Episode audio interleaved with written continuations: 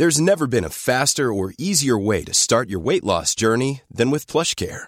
PlushCare accepts most insurance plans and gives you online access to board-certified physicians who can prescribe FDA-approved weight loss medications like Wigovi and Zepbound for those who qualify. Take charge of your health and speak with a board-certified physician about a weight loss plan that's right for you.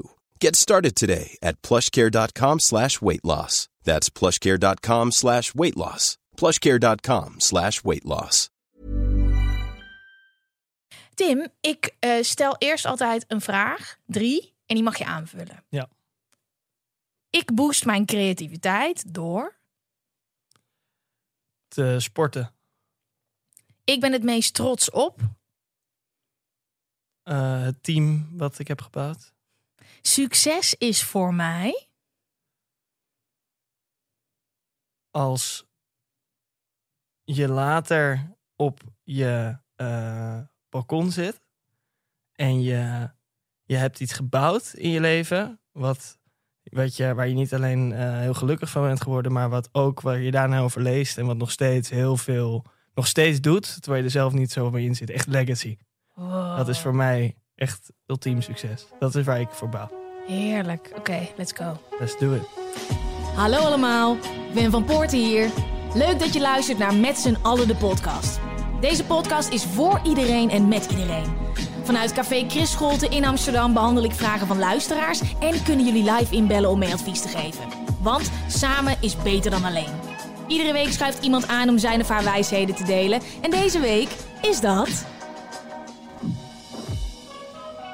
Op zijn dertiende verdiende hij zijn eerste geld met een Twitter-netwerk van ruim 1 miljoen Nederlandse tieners.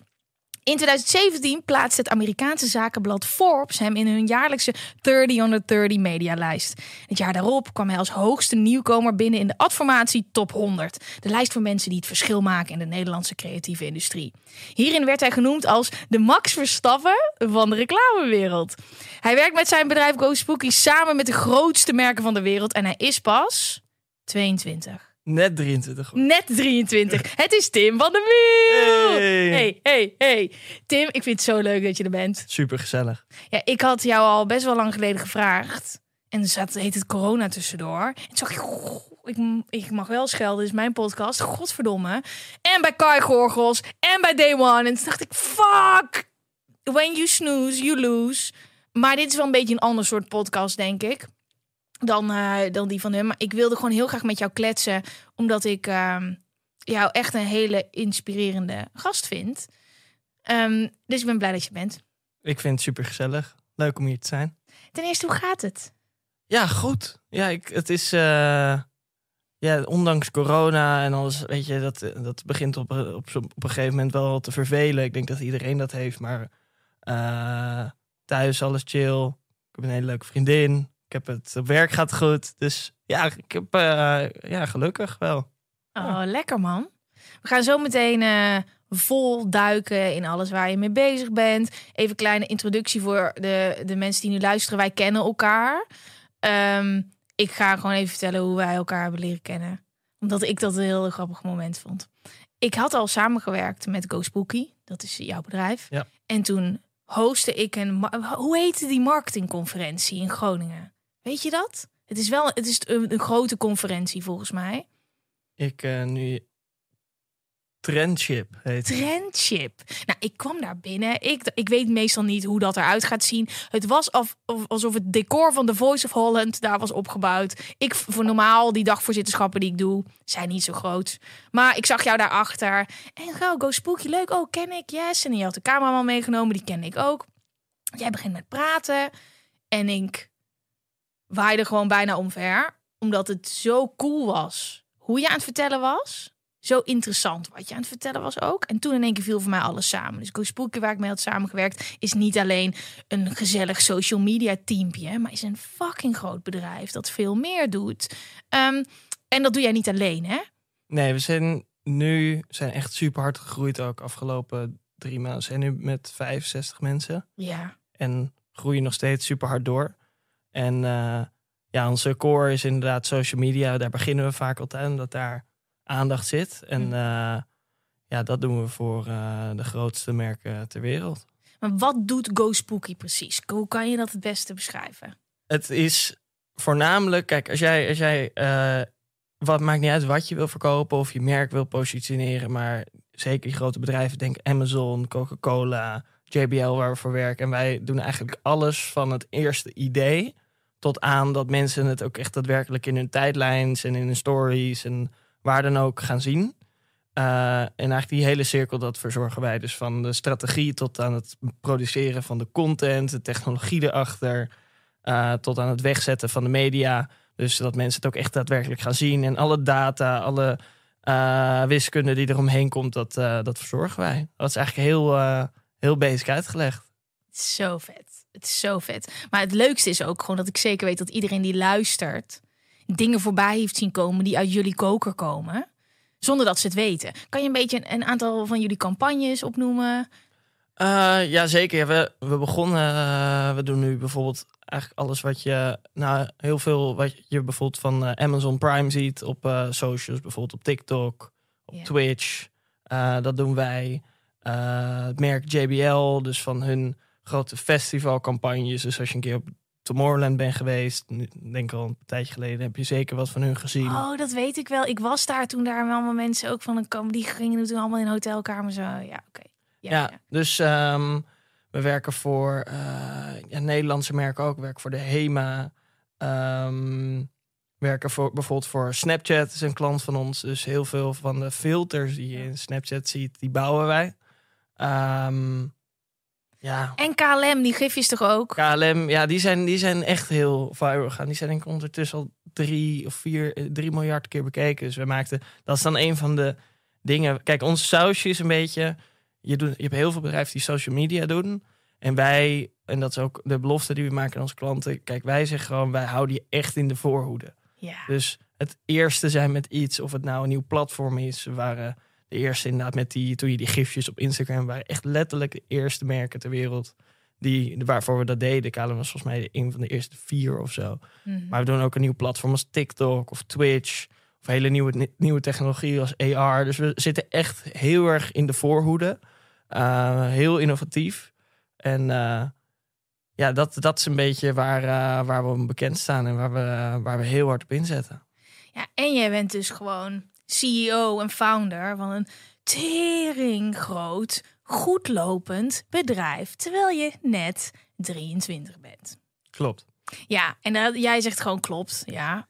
Maar dat is voor mij gewoon insane. Ik ben heel benieuwd hoe dat allemaal is gebeurd, waar dat is begonnen. Daar gaan we zo meteen uh, induiken met allemaal vragen die mensen hebben ingestuurd over van alles waarvan ik denk dat we bij jou een goed antwoord kunnen krijgen. Eerst even een aantal huishoudelijke mededelingen.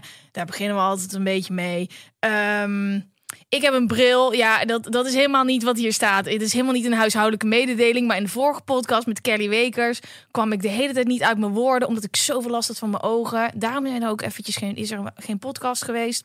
Het kan zijn dat we na deze aflevering zomaar weer een pauze hebben.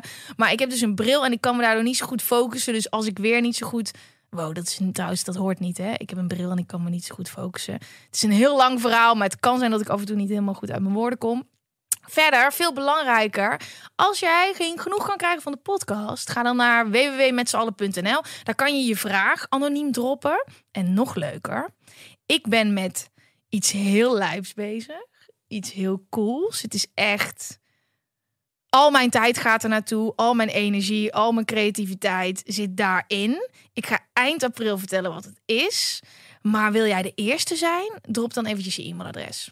En daar ga ik het nu even bij laten. Ik zou het liefst drie uur vol lullen. Dat ga ik later doen. Maar als je er als eerste bij wil zijn, drop je e-mailadres. En volg ons overal op social media. Ah. Op het e. Oké, dat was het. Um, ik vraag aan al mijn gasten: word jij gebeld voor advies? En zo ja, wat is je specialiteit?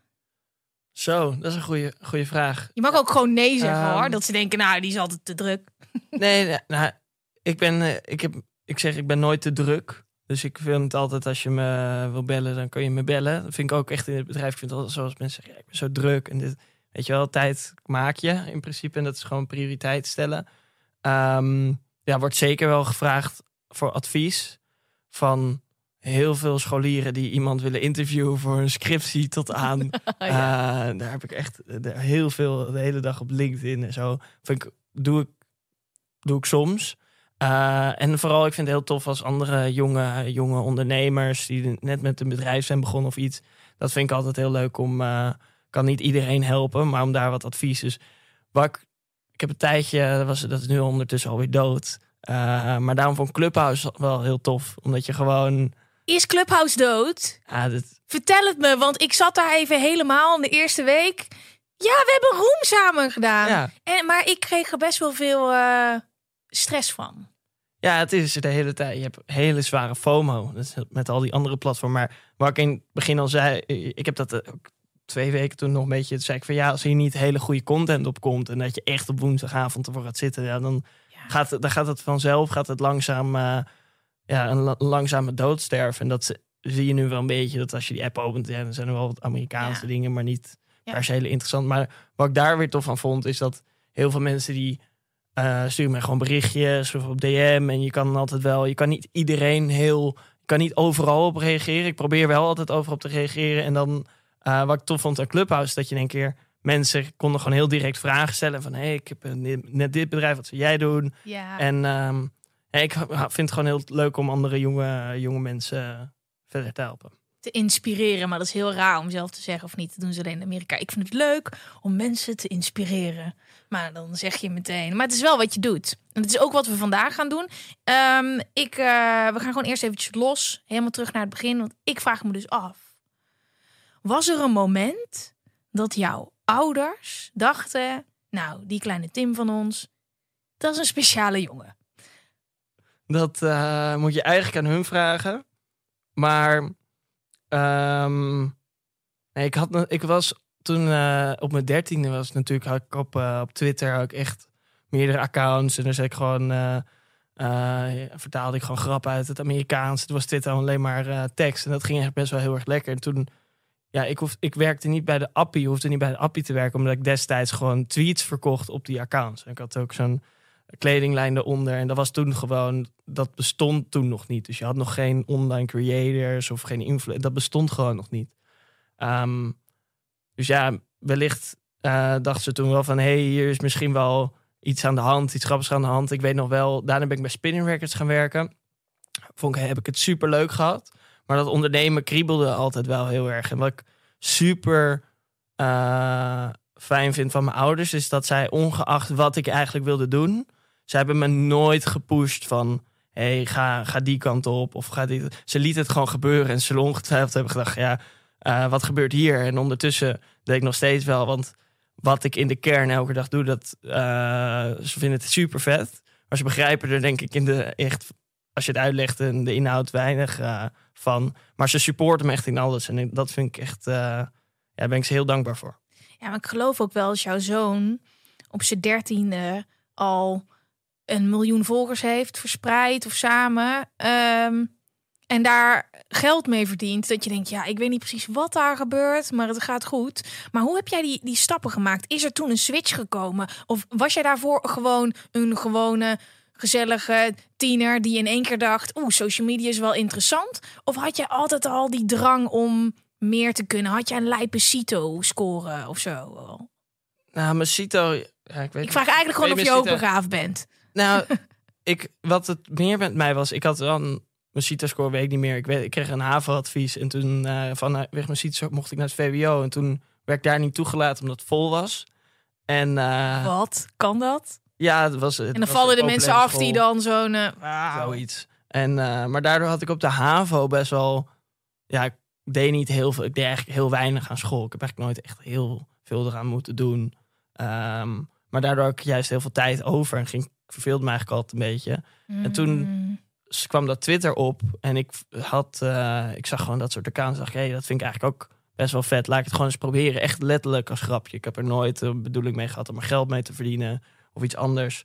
Maar ik vond gewoon het, het spelletje van... hey, hier zitten mensen. En hoe kan ik eigenlijk bepaalde manieren vinden. Dus of dat nou bepaalde content is. Om gewoon te kijken, wat werkt nou? Ja. En daar eigenlijk gewoon beetje strategisch mee om te gaan. Het zag ik gewoon echt als een spelletje. En hoe ga je eigenlijk van het begon echt bij nul. hoe ga je eigenlijk van nul naar, naar eh, bijvoorbeeld een miljoen. En Mm. je vindt uiteindelijk manieren van, oh, deze, deze content werkt goed. En oh, ik moet op deze momenten moet ik iets plaatsen. En dat, dat vond ik heel tof. En dat voelde ik eigenlijk best wel snel aan. Ehm, en dat is eigenlijk wel grappig, want dat vanaf dat moment, dat doe ik eigenlijk.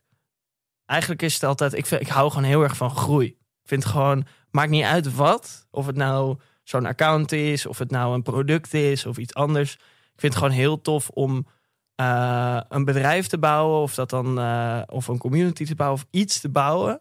En daar gewoon manieren te vinden, hoe gaan we dat voor elkaar krijgen? En dat, eh, dat is eigenlijk vanaf dat moment bij de Twitter-account. Destijds, toen ben ik bij Spinning begonnen. Er was dan, deed ik alle nieuwe platformen. Dus daar zet ik het Snapchat-account op, en Twitch. En ging me helemaal in, eh, in verdiepen. Eh eerst de learnings opdoen. Kijken van wat werkt, wat niet. En ja, eigenlijk nu nog, nu nog steeds. Dus gewoon kijken van, hé, hey, wat, wat doet, wat doet zo'n markt? Waar, waar gaan, wat, willen, wat willen klanten doen? Wat doen die platformen? Kijken waar zitten de kansen? En hoe gaan we daar iets, hoe gaan we daar iets van maken? En dat is, ja, daar haal ik eh, voornamelijk mijn energie uit. Gewoon van bouwen, groeien. En, eh, en dat met heel veel getalenteerde mensen doen. En wat dachten jouw eh, klasgenoten? Op je, op je dertiende, dan zat je op de HAVO. Wel, in welke klas zit je dan? De in, niet in de brugklas, toch? Nee, het was denk ik twee, drie HAVO, zoiets. Twee HAVO. Oh ja, natuurlijk, dan ben je al ouder. Ja. Maar wat dachten die? Hoe keken die naar waar jij mee bezig was? Was Twitter een ding? Dachten ze, nou, die, die gekke Tim, laat hem maar lekker. Ja, ik denk. eh, ja, ik heb het heel lang, heel lang eh, heb ik het ook gewoon niet verteld. Toen kwam het wel een beetje uit. Eh, Hoe kwam het dan uit? ja, gewoon dat ik op een gegeven moment liet ik het toch aan iemand zien en die geloofde het niet. Want ja, dus dat account was toen ik het vertelde, was het denk ik van 2,5, zaten al vol, had ik al 250.000 volgers. Ik het gewoon volgens mij in een klas gewoon laten zien, die gelooft het niet. En dan krijg je natuurlijk die dingen van, ja, tweet dit dan, weet je wel. Dan Ja. denk ik het, oh, holy shit. en eh, nee, volgens mij vond, vond iedereen dat wel, eh, wel tof. Ehm, maar voor de rest, ja, ik heb daar, ja, dat... eh, Weet, weet, weet eigenlijk niet echt. Ik heb nooit echt aan iemand gevraagd. Wat vond je, vond je daarvan? Ik vond het, ook, ik vond het wel prima. Ja, oké, nice. Ja, het maakt ook helemaal geen ruk uit. Maar ik kan me gewoon voorstellen dat er nu allemaal klasgenoten van jou, die zitten in de HAVO, zaten op de HAVO en die kijken nu naar jou. Die denken, wat de fuck? Ik werk lekker hier, eh, ik doe lekker mijn baantje of ik werk lekker bij de weet ik veel waar ik werk. En die, die Tim heeft gewoon op zijn 23ste zo'n groot bedrijf gebouwd. Dat het, eh, Ja, kijk, weet je wat? Dat, dat is voor mij nu. Ik heb heel veel. eh, Ik heb natuurlijk vriend, eh, gewoon mijn- in mijn vriendengroep is het ook. Ja. Sommige mensen werken, Mhm. sommige mensen ondernemen ook.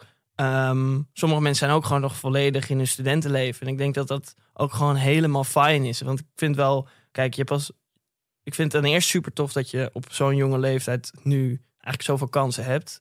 Dus je kan dat het kan. Want als je 20, 30 jaar teruggaat en je was 20 en je komt met je eigen bedrijf en zegt ze, nou ga je eerst nog maar even 30 jaar ervaring opdoen. Dus Mhm. in die zin is de tijd heel erg veranderd. Dat je dus als jonge, jong persoon heb je echt superveel mogelijkheden. En is er, heb je enorm veel, eh, als je goed ideeën hebt, is eigenlijk alles mogelijk. ja. Ehm, aan de andere kant merk ik ook wel dat het moet. Kijk, iedereen zijn klokje in die zin tikt anders.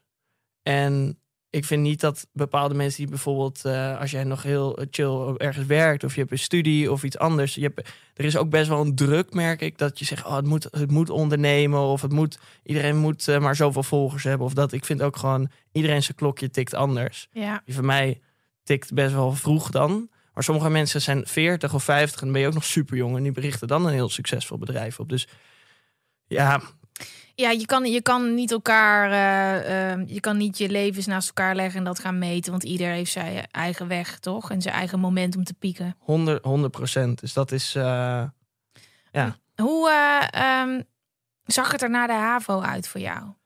ik ben na de HAVO ben ik nog VWO gaan doen. En toen heb ik in 5 VWO, toen was ik 17 eh, of 18. Ja, mijn 18e verjaardag hebben we Go Spooky BV opgericht. Want ik kon dat eerst niet, eh mocht, kon nog niet. Dus ik moest drie maanden wachten. Toen mijn 18e verjaardag eh Go Spooky opgericht. Ja, en toen 6 VWO moest ik echt aanpoten om gewoon mijn school nog af te maken. Ja. Ehm, en dat weet ik nog wel goed, want we hadden echt al veel opdrachten en ik deed alles vanuit. We hadden nog geen kantoor, we hadden nog geen mensen aangenomen, we deden alles met, met freelancers. En dat terwijl, eh, terwijl de les was en ik kreeg van mijn school, kreeg ik nog niet, van mijn middelbare school, kreeg ik geen, eh, geen, eh, geen vrij. Dus ik moest gewoon les en zeiden van ja, je mag geen absentie. En ik weet nog heel goed, toen ging Snapchat ging naar de beurs. Toen werden we bij de Wereld Draait Door uitgenodigd. En die dag daarna werd ik opgebeld op school. Nou, alles, alles was, in één keer, was in één keer mogelijk.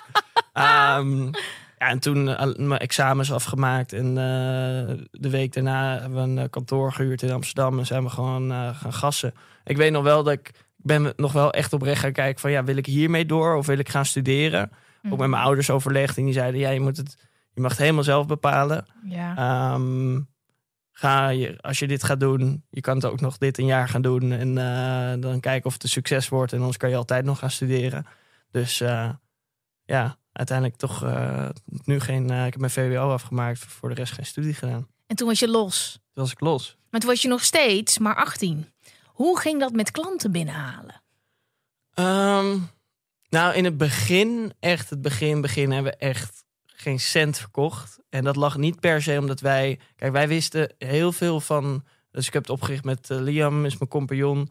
We wisten enorm veel over social media en over al die platformen en al die dingen. Maar om iets te verkopen moet je niet alleen heel veel kennis over hebben. Je moet ook een beetje weten hoe werkt zo'n bedrijf nou. En hoe werkt zo'n groot bedrijf nou. Dus wij zijn in het begin gewoon alleen maar bedrijven gaan mailen. Eh, met hey, twee jonge jongens. En we zien dat jullie best wat op Facebook doen. Maar misschien moet je ook iets met Instagram of met, met, eh, met Snapchat. Eh, in het begin zijn we heel erg op Snapchat gefocust. Omdat daar echt niemand iets van af wist. En dan kom je binnen, word je uitgenodigd. Nou, vertel maar, wij vertellen. Mensen snappen, snappen het niet. En ehm, je moet ook een beetje van, ja, je zit tegenover iemand, maar diegene heeft ook een baas en die moet het ook weer aan zijn baas verkopen. Dus Mhm. in het begin hadden we best wel, werden we overal uitgenodigd, maar we verkochten helemaal niks. Kregen de hele tijd nee en eh, ja, thanks en we zien het wel, weet je wel. Ehm, dus dat was een heel grote leercurve. Ehm, en je moet ook wel, kijk, er zit nog wel een stuk verschil in, in van je, je krijgt je eerste kans, weet je wel. Nou, die pak, pakte, dat was volgens mij voor, eh, voor Lowlands als onze eerste, eerste klant. Nou, daar zoveel mogelijk gewoon gezorgd dat het helemaal top was. En dat het echt zo'n eh, zo'n eh, case is voor zo'n klant. Dat echt iedereen van holy shit, wat vet. Ja. Ehm, en vanaf daar gaat het wel lopen. Want dan heb, kan je eigenlijk laten zien van... hé, hey, ja, ik heb ook... Ik zeg wel dat ik het weet, maar ik kan ook echt wat laten zien. Ehm, nu zie ik het echt als een, echt een groot voordeel. Dat, je, dat, we gewoon jonger zijn. Dat we echt weten wat er speelt in doelgroep en op die platform. Dat gewoon, komt heel natuurlijk. Eh, in het begin word je soms nog wel een beetje gek aangekeken. Maar ik geloof gewoon als je echt weet waarover je, waarover je praat. En je kan ook gewoon het werk erachter zetten. En je hebt gewoon de wil om jezelf te bewijzen. Ja, dan, dan moet dat gewoon kunnen. En dan moet het je ook absoluut niet tegenhouden.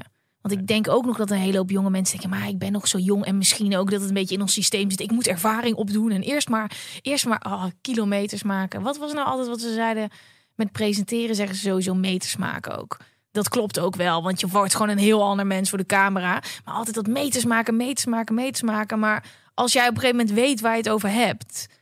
dan mag je daar gewoon voor staan. Ik denk dat dat een heel 100%. groot verschil was misschien is in hoe jonge mensen te werk gaan en hoe jullie te werk zijn gegaan. Nou, kijk, wij, eh, dat is ook altijd wel een tip die ik zeker beginnend ondernemers, of je dan jong bent of gewoon überhaupt begint. Mensen hebben heel erg de neiging om heel lang over dingen na te gaan denken. En een businessplan en alle, alles moet tot in de puntjes uitgewerkt zijn. Maar ondertussen beginnen ze niet. En ik denk dat de grootste tip die ik iemand die, die ik altijd geef, is gewoon begin gewoon. En dat is ook op een gegeven moment wat wij we hebben, hadden in een dag hadden we de, de naam, het logo, website, eh, kleur. En dat gebruiken we nog steeds allemaal. En Echt waar? ja, we hebben ook nooit uitgetekend van oh, over drie jaar willen we dit. We, hadden, we, zijn, we zijn gewoon begonnen. Ehm, en dan wil ik niet zeggen dat je helemaal geen plan hoeft te maken. Maar vaak als je gewoon begint, eh, dan komen de kansen ook vanzelf.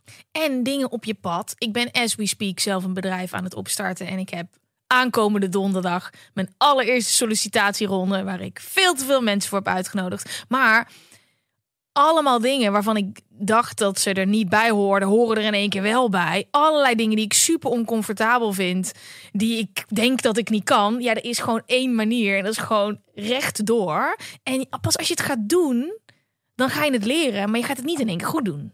Nee, nou, als ik terugdenk aan onze eerste sollicitaties. Ja. Er was, ja, wij hadden dus gewoon nog nooit dat gedaan. En we nodigden gewoon iemand uit. En we trokken gewoon twee bier, drie bier open. ja. En we dachten, oh ja, ja jou vinden we heel vinden we aardig en tof en eh, leuk gesprek. Nou, wanneer kan je beginnen? Oh, ja, dit, dit is dus niet hoe ik het moet gaan doen. Nee, nee, dat zou ik wel. Maar dat is. Dat is en daar, zo, als je nu bij ons solliciteert, wordt er zeker niet, eh, misschien wel als je op vrij komt, maar Ja. er wordt er niet, eh, er werd eerst gesprek drie bier opengetrokken. Maar daar, daar leer je dus ook in. En ik denk voor ons, dat is wel uiteindelijk de stap die je moet maken. Dat wij, doordat we ook net kwamen kijken, Mhm. we wisten heel veel van social media en dat soort dingen. Maar van andere dingen wisten we echt helemaal niks. Of het nou boekhouding was. Of, eh, of inderdaad je sollicitatie mensen aannemen. Sales. Hoe werkt zo'n groot bedrijf nou? Wij wisten al heel vroeg van oké, als we echt door willen. En we willen wel een grote ambitie. Dan moeten we ook mensen om ons heen gaan verzamelen die dat veel beter kunnen dan ons. Mhm. Dus wij echt zodra het kon, hebben we gewoon mensen aangenomen eh, en zijn we dat gewoon gaan doen. En dat merk je ook vaak zeker. eh, dat is lastig, want je laat natuurlijk je eigen bedrijf. Je wilt het liefst wil je het. eh, heel veel mensen willen dingen zelf doen. Eh, maar dat is denk ik ook wel een fout die veel ondernemers maken. Is dat je het allemaal bij jezelf wil houden. Terwijl je eigenlijk gewoon moet kijken van ja, waar ben ik, word ik nou het meest gelukkig van? En waar ben ik het beste in? En dan een team om je heen verzamelen die gewoon dat voor je kunnen doen. In het begin zullen het misschien mensen zijn, eh, de boekhouder die neem je aan, maar dus, die, dat besteed je gewoon uit. Ehm, en daardoor kun je zelf heel erg focussen op de dingen waar jij heel goed in bent. En dat is wel grappig, want dat is zo als je met, eh, met z'n tweeën of met z'n drieën bent. Maar ik ben dat dus nog steeds aan het doen. ja. Dus het is gewoon de hele tijd. Nu ook, nu wordt het bedrijf een bepaalde. Nu zitten we met bijna 65 mensen. Dus nu wordt het managementstuk wordt veel zwaarder. Ja, dan moet je ook naar jezelf blijven kijken. Is dat nog steeds iets waar ik, waar ik het meeste energie uit haal? Of moet ik juist weer terug naar, naar de kern? Uh, dus je bent de hele tijd eigenlijk bezig met: hey, hoe kan ik nou mezelf vervangen? Door iemand die het veel beter doet dan, uh, dan ik. En dat is in mijn ogen is dat ook echt een van de meest uh, daar krijg ik een van de me dus krijg ik super veel voldoening uit. Want het is echt een super groot privilege als je met allemaal mensen mag werken die super getalenteerd zijn. Waar je enorm veel van leert. En dan allemaal met een doel bezig zijn en dat het dan ook nog lukt. Ja, oh mijn god, dat is de, dat is de droom. Dat is super vet. Ik zie ook helemaal dat je helemaal aangaat. Oké, er is een, uh, een vraag. Um, die sluit echt perfect aan. Hey Gwen, ten eerste wil ik je bedanken voor de podcast. Ik heb zoveel geleerd en groei iedere week door dingen die ik hoor van jou en je gasten. Oh, yes, oké. Okay. Dit is echt onbetaalbaar. Nou, lief, lief. Um, als, het, als het weer kan, zou ik je graag een grote knuffel willen geven. Nou, wie weet ooit. Ik heb een vraag. Ik ben 24 jaar en klein voor mijn leeftijd. Ik werk in een corporate omgeving waarin ik vaak het idee krijg dat ik niet serieus genomen word door mijn voorkomen en jonge leeftijd. Terwijl ik hoger opgeleid ben dan veel van mijn mannelijke collega's. Oké, het probleem ligt bij de mannelijke collega's hoor ik al. Hoe kan ik hier het beste mee omgaan zonder dat ik een harde bitch word? Nou, dankjewel voor je vraag ten eerste. Super interessant. Voor we tips gaan geven. Inmiddels weten mensen wie jij bent, maar vroeger zat je aan tafel en dacht zo, dat is die gast, ja, weet vast wel veel over social media, maar hoe profileerde je jezelf dan? Zijn daar technieken voor? Werd je daar wel eens onzeker van? Um, ik denk, en dat is misschien wel een beetje een soort antwoord op. Ja, mag wel. Ja. Is um, Millions of people have lost weight with personalized plans from Noom, like Evan, who can't stand salads and still lost 50 pounds. Salads, generally, for most people, are the easy button, right? For me, that wasn't an option. I never really was a salad guy. That's just not who I am. But Noom worked for me. Get your personalized plan today at Noom.com. Real Noom user compensated to provide their story. In four weeks, the typical Noom user can expect to lose one to two pounds per week. Individual results may vary. This Mother's Day, celebrate the extraordinary women in your life with a heartfelt gift from Blue Nile. Whether it's for your mom, a mother figure, or yourself as a mom, find that perfect piece to express your love and appreciation. Explore Blue Nile's exquisite pearls and mesmerizing gemstones that she's sure to love. Enjoy fast shipping options like guaranteed free shipping and returns. Make this Mother's Day unforgettable with a piece from Blue Nile. Right now, get up to 50% off at BlueNile.com. That's BlueNile.com. je moet gewoon, eh, het is gewoon heel belangrijk dat je gewoon jezelf bent. En ik denk als jij echt van jezelf weet, hey, ik ben mezelf en hier, hier sta ik voor en dit vind ik belangrijk en take it as it is, Mhm. daar kunnen mensen nooit een oordeel over hebben, want dat is juist ook heel echt en authentiek. En ik denk dat dat het ding is als mensen zich gaan profileren als een bepaald iets, wat ze eigenlijk niet zijn, dan kost dat ten eerste veel meer moeite. En het is ten eerste ook veel leuker om gewoon, gewoon te zeggen, wie je, gewoon te zijn wie je bent. Mhm. En ik denk dat dat, dat is denk ik, ja, in een corporate, daar heb ik zelf, ik heb zelf geen eh, corporate ervaring, werken wel met eh, wat meer corporate klanten, maar ik denk het beste is uiteindelijk, en dat is niet alleen in zakelijk, maar ook gewoon, wees gewoon jezelf.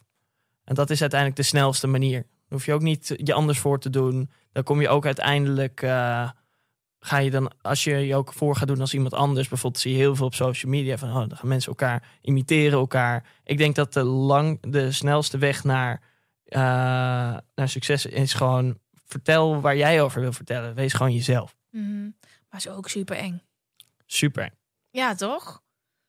Want het is ook zo kwetsbaar. En als je dan in een omgeving werkt waar mensen jou niet echt accepteren, dan is die stap zo eng om dat te doen. En er wordt zo vaak gezegd: ben lekker jezelf, ben lekker jezelf. Je moet gewoon lekker, we vinden jou leuk zoals je bent. Je moet lekker jezelf zijn. Ik, dit zeggen mensen tegen mij. Hè? Dus dit, in, inmiddels weet ik wel hoe dat werkt. Maar ik weet wel dat ik een tijd lang bij BNN dacht: ja, we vinden jou gewoon leuk zoals je bent. Maar ik ben toch gewoon mezelf. Dat je dan niet doorhebt dat je dan eigenlijk iets anders aan het doen bent. Ja. Ben ik nu een beetje vaag aan het praten? Nee.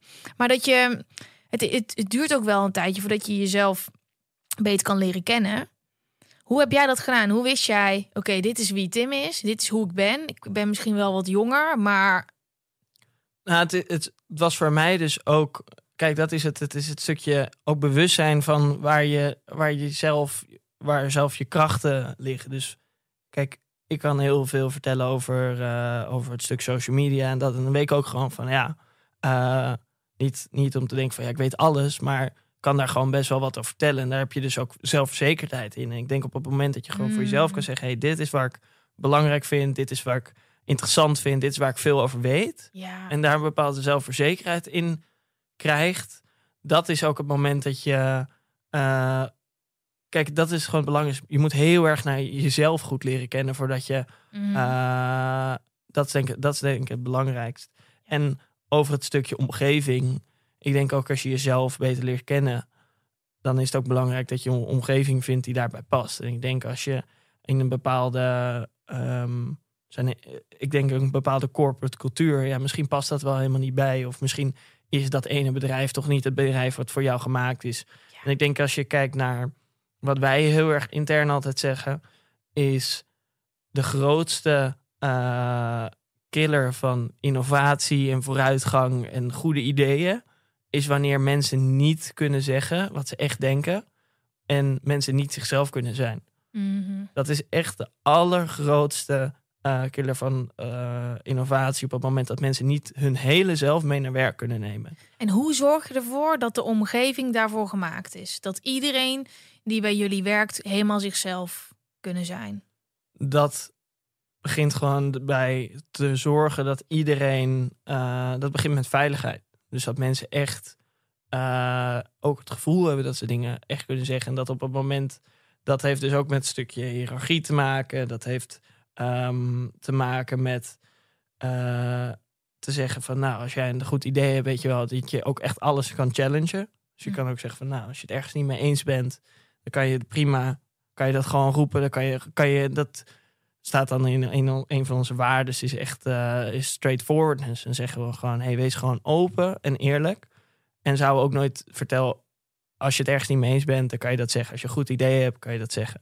Ehm, ik denk dat het daar vooral mee begint bij veiligheid. En mensen ook het gevoel geven van, hey, mijn mening doet ertoe. Ik heb een aandeel in het succes. Ik kan, eh, als ik een idee heb.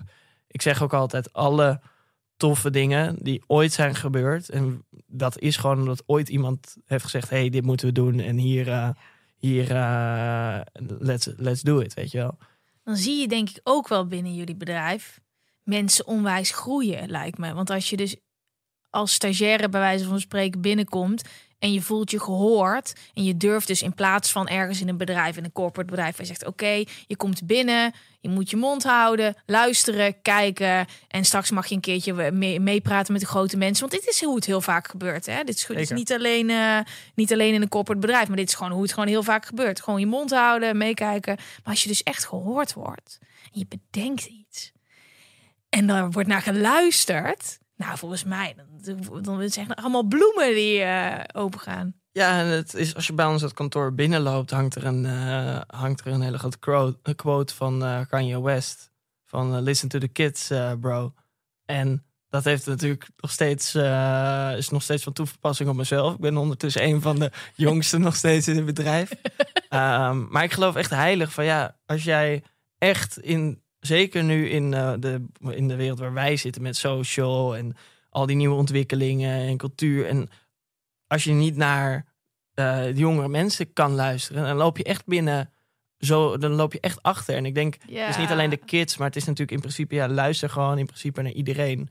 En eh, dus ook, ik vind dat een van de mooiste dingen om te zien. Mensen die bij ons binnenkomen, echt, ja, bijvoorbeeld als een eerste baan of gewoon met nog niet zo heel veel ervaring. En dan te zien van, oké, hoe, gro- hoe grote stappen zijn die mensen maken. Ja. Uh, dat vind ik een van de tofste dingen om te zien. Dat bedoelde ik ook een beetje met wat ik in het begin zei. Ik geloof echt heilig dat de mensen die nu bij ons werken. Ik hoop, ik hoop dat ze nog heel lang bij ons blijven. Maar ik geloof er heilig in dat die zo meteen echt nog zoveel andere toffe dingen gaan doen. De ene zal waarschijnlijk CEO worden van eh, misschien wel een ander bedrijf oprichten. Of een of andere, andere goede functie daar. En dat je dus zometeen, dat hoop ik dus, dat je zometeen het bedrijf misschien wel achterlaat of iets anders of iets anders gaat doen. Ik zal, ik zal ongetwijfeld ook nog veel meer dingen gaan doen. Ehm, en dat je dan eigenlijk ziet van oké, het bedrijf was niet alleen super succesvol, maar is ook echt een springplank geweest voor iedereen die er heeft gewerkt. Ja. Ik denk dat dat, dat vind ik heel vet. En dat is dus iets wat een hele hoop mensen niet vet vinden. Dat je een bedrijf hebt en ik heb jou helemaal opgevoed en getraind en nu ga je naar een ander. Dat is toch vaak wel een beetje de visie die mensen hebben, toch?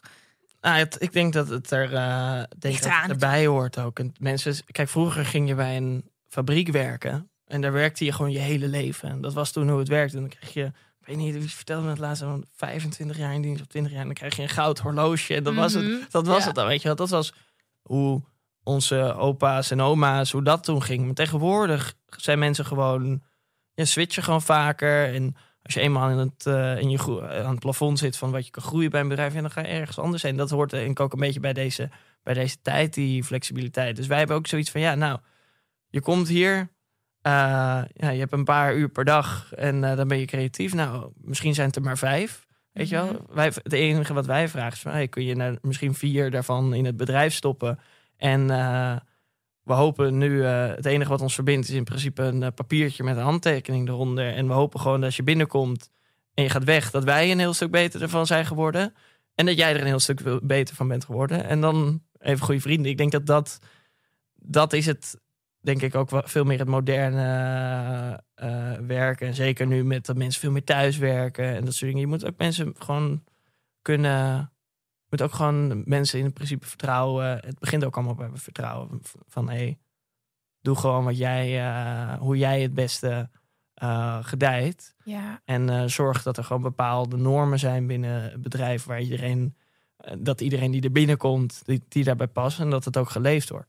Mooi. We gaan het straks nog verder over leiderschap hebben. Ik denk dat we ook gewoon goed advies hebben gegeven aan het meisje die 24 jaar en klein voor haar leeftijd is ben gewoon lekker jezelf. En, uh, en wat daarbij helpt, voor mijzelf, dat stukje bewustwording. Ik weet niet of jij daar een tactiek voor hebt. Um, want toen ze tegen mij zeiden op mijn twintigste, ben lekker jezelf, dacht ik echt. Ik ben toch mezelf. Um, meditatie is voor mij echt een game changer geweest in gewoon mezelf kunnen horen en rustiger vanaf een afstandje kunnen kijken naar wat ik nou precies doe en waarom ik dat nou precies doe. Mediteer jij? Nee. Mijn vriendin die mediteert wel. Ja. Ik ben echt het opposite gewoon. Ja? Ja, maar ik ben dus heel blij ook een soort van met hoe mijn gedachten werken. Ja, Dus ik ben ook een soort van, ja, ik vind het wel, vind het wel prima. oh, Maar ik, snap wel dat mensen er heel lekker op kunnen gaan. Je moet er. Dit, dit is absoluut niet voor iedereen. Maar je ziet ook wel, wij zijn echt opposites. Qua. Jij bent gewoon fucking relaxed al. Jij hebt het niet nodig. Maar leuk dat je vriendin het doet. Ehm, we gaan door naar de volgende. Leuke. Ehm, hey, ik ben een gast. Ik heb een vraag. Iedereen die te gast is in de podcast is zo enorm gemotiveerd en ambitieus. Waar halen jullie dat vandaan?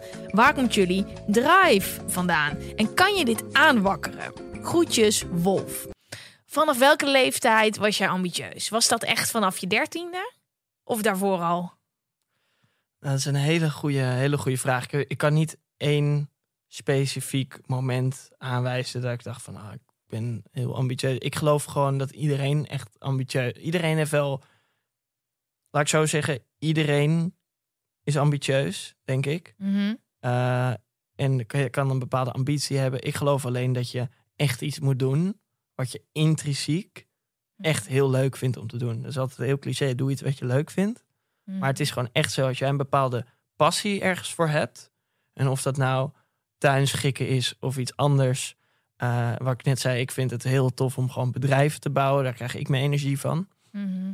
Dan voelt geen ene dag dat je het meer doet, voelt als werk. Ja. Dat is echt zo. Want het- ik heb ook echt, als ik zeg van, oké, als ik het niet meer leuk zou vinden wat ik doe, dan stop ik er ook gewoon echt mee. Mhm. Ik vind dat de. En als je dan. Daarom denk ik ook zeker voor jonge mensen. Probeer gewoon de eerste periode. Zeker, ik had best wel vroeg al door van. Oh, dit vind ik tof. Dat begon met dat eh, op Twitter toen ik 13 was. En daarna eh, verder daarin gegaan. Maar probeer eigenlijk in het begin van. eh, zeker als je nog jong bent, je kan nog gewoon zoveel dingen proberen. En probeer gewoon zoveel mogelijk dingen totdat je gewoon erachter komt van ja, dit vind ik echt vet, gewoon echt fucking vet. Ja. En je kan dus ook gewoon altijd switchen. Mensen denken heel vaak dat je iets moet kiezen. En dan is de rest van mijn leven is toegewijd aan eh, social media. eh, weet ik veel, persoonlijke groei voor mij. Maar je kan gewoon op ieder moment in je leven denken... fuck, die basis vond ik wel leuk. De strategie of whatever, maar ik gooi het in een hele, hele andere hoek. Je hoeft niet voor de rest van je leven een keuze te maken. Wat je toch al op school meekrijgt.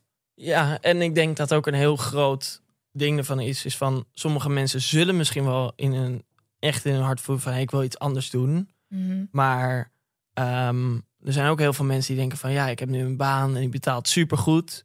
En ik vind het er eigenlijk niet leuk, maar ik heb wel gewoon wel op vakantie. En die leven gewoon voor het weekend, Fuck voor dat. vakantie, weet je wel dat. En dan moet je ook wel zoiets hebben van oké, je kan ook eens een stapje terug doen en minder verdienen, maar echt veel gelukkiger zijn met, met wat je doet. En ik zeg wel eens van ja, ik leef gewoon echt voor maandag. Ik vind maandag echt allerbeste dag. Want dan kan je gewoon weer, kan je gewoon weer aan de slag. Mhm. Dus dat, ik heb dat eigenlijk zoiets van ja. eh, en tegenwoordig, en dat is ook weer het mooie, is van tegenwoordig, als jij super into tuinschikken bent of gewoon in eh, iets anders, of je hebt een bepaalde passie. Kijk, vroeger had je gewoon bepaalde beroepen, en dan kon je het kiezen. En nu met het internet, als jij super gepassioneerd bent over, over voetbal, of over, over, ja, over verzuurde boel of wat dan ook. Dan kan je gewoon daar je geld mee verdienen. Dan kan je gewoon, eh, of desnoods maak je, vind je het super tof om daarover te vertellen. Of over een podcast. Of, of eh, misschien wel een webshop, I don't know. Maar je kan, het geeft zoveel mogelijkheden. Ja. En dan zijn het gewoon de mensen van ja, misschien in plaats van een heel goed salaris ook een stapje terug doen. Maar wel dat je elke dag gewoon bezig bent met wat je gewoon super vet vindt. Ja, en reken maar eens uit hoeveel geld je nodig hebt om van rond te kunnen komen. En ga dan eens kijken hoeveel risico's je kan nemen. Of ja, het is geen risico, maar dat is het inderdaad. Je komt op een gegeven moment in een baan terecht en je denkt, nou, dit is het salaris wat ik heb. Je raakt eraan gewend en je gaat toch dan ook wel iets groter wonen en nog een iets dikkere auto. En je raakt eraan gewend, terwijl als je jong bent, zeker. Eh, trouwens, op iedere leeftijd, vak dat, vakspullen. Ehm, maar als je daaraan gewend raakt, dan lijkt het of de deuren dicht zijn. Terwijl dat helemaal niet zo is. Ik moet wel eerlijk zeggen dat ambitie maar ook wel met tijden in de weg heeft gezeten. Zeker op de momenten dat ik niet helemaal helder had wat ik wilde. Dat ik echt dacht, kan ik niet gewoon die gast zijn uit het dorp waar ik vandaan kom, die bij de meubelboulevard werkt, of bij het benzinestation, of gewoon lekker een 9 tot 5 baan die ze niet zo boeiend vinden, want ze leven voor het weekend en daar oké mee zijn. Dat heb ik heel lang gedacht. Maar wat jij net zegt, iedereen heeft wel een passie. Ieder, er zit bij iedereen wel iets waar ze voor willen gaan. Is het dan niet gewoon settling for less? Als jij het helemaal, als jij super gelukkig bent en jij, kijk, weet je wat het ook een beetje is met ambitie? Het is ook niet zo dat iedereen een keer 100 uur per week moet werken. Als jij gewoon een, op een kantoor werkt met leuke collega's en jij krijgt een leuk salaris en je bent er helemaal top mee en je hebt een leuk privéleven, go for it. Mhm. Weet je wel? Super nice. Ja. En dat, dat is denk ik ook wat iedereen gewoon voor zichzelf moet beslissen. Als jij, eh, als jij daar je plezier, als jij daar gelukkig van wordt, ja, weet je. Maar echt eerlijk tegen jezelf zijn, daar gaat het denk ik ook Ja. om. Je moet eerlijk tegen jezelf in de spiegel kunnen zeggen: Ik word hier fucking gelukkig van. En dan weet je het wel. Maar ik geloof ook dat er dan bij een hele hoop mensen een antwoord komt dat ze denken: Nou, eigenlijk niet. Maar ik heb dus die dikke auto en ik heb verdien lekker geld. Waar, ehm, wat drijft jou? Is dat dan echt dat idee dat je ooit op een balkon in de zon zit? Aan het Vondelpark, ik noem maar wat. Je bent 75, ik noem maar wat. En je hebt een legacy achtergelaten. Is dat wat jou drijft ook op die mindere dagen? Of is het vooral het plezier wat je eruit haalt? Ik, kijk, ik heb ook 100% mindere dagen dat je even denkt van, ah shit, ik heb gewoon echt, die heeft iedereen, weet je wel. Ik heb gewoon even, zie het even niet meer of heb het even niet meer op een rijtje. Mhm. Ehm, ik haal er enorm veel plezier uit, dus dat. En ik heb wel zoiets van, oké, wat we nu willen ik wil gewoon een century defining story. Gewoon zeggen van, oké, we hebben nu iets met z'n allen neergezet. Mhm. En daar wordt inderdaad nog steeds, dat is de, dat, daar wordt over tien jaar nog steeds over gepraat. Dat is wat, wat ik heel vet vind. Century Eh, defining story, dat wil ik ook. Dat Is mijn nieuwe, is mijn nieuwe drijfveer. century defining story.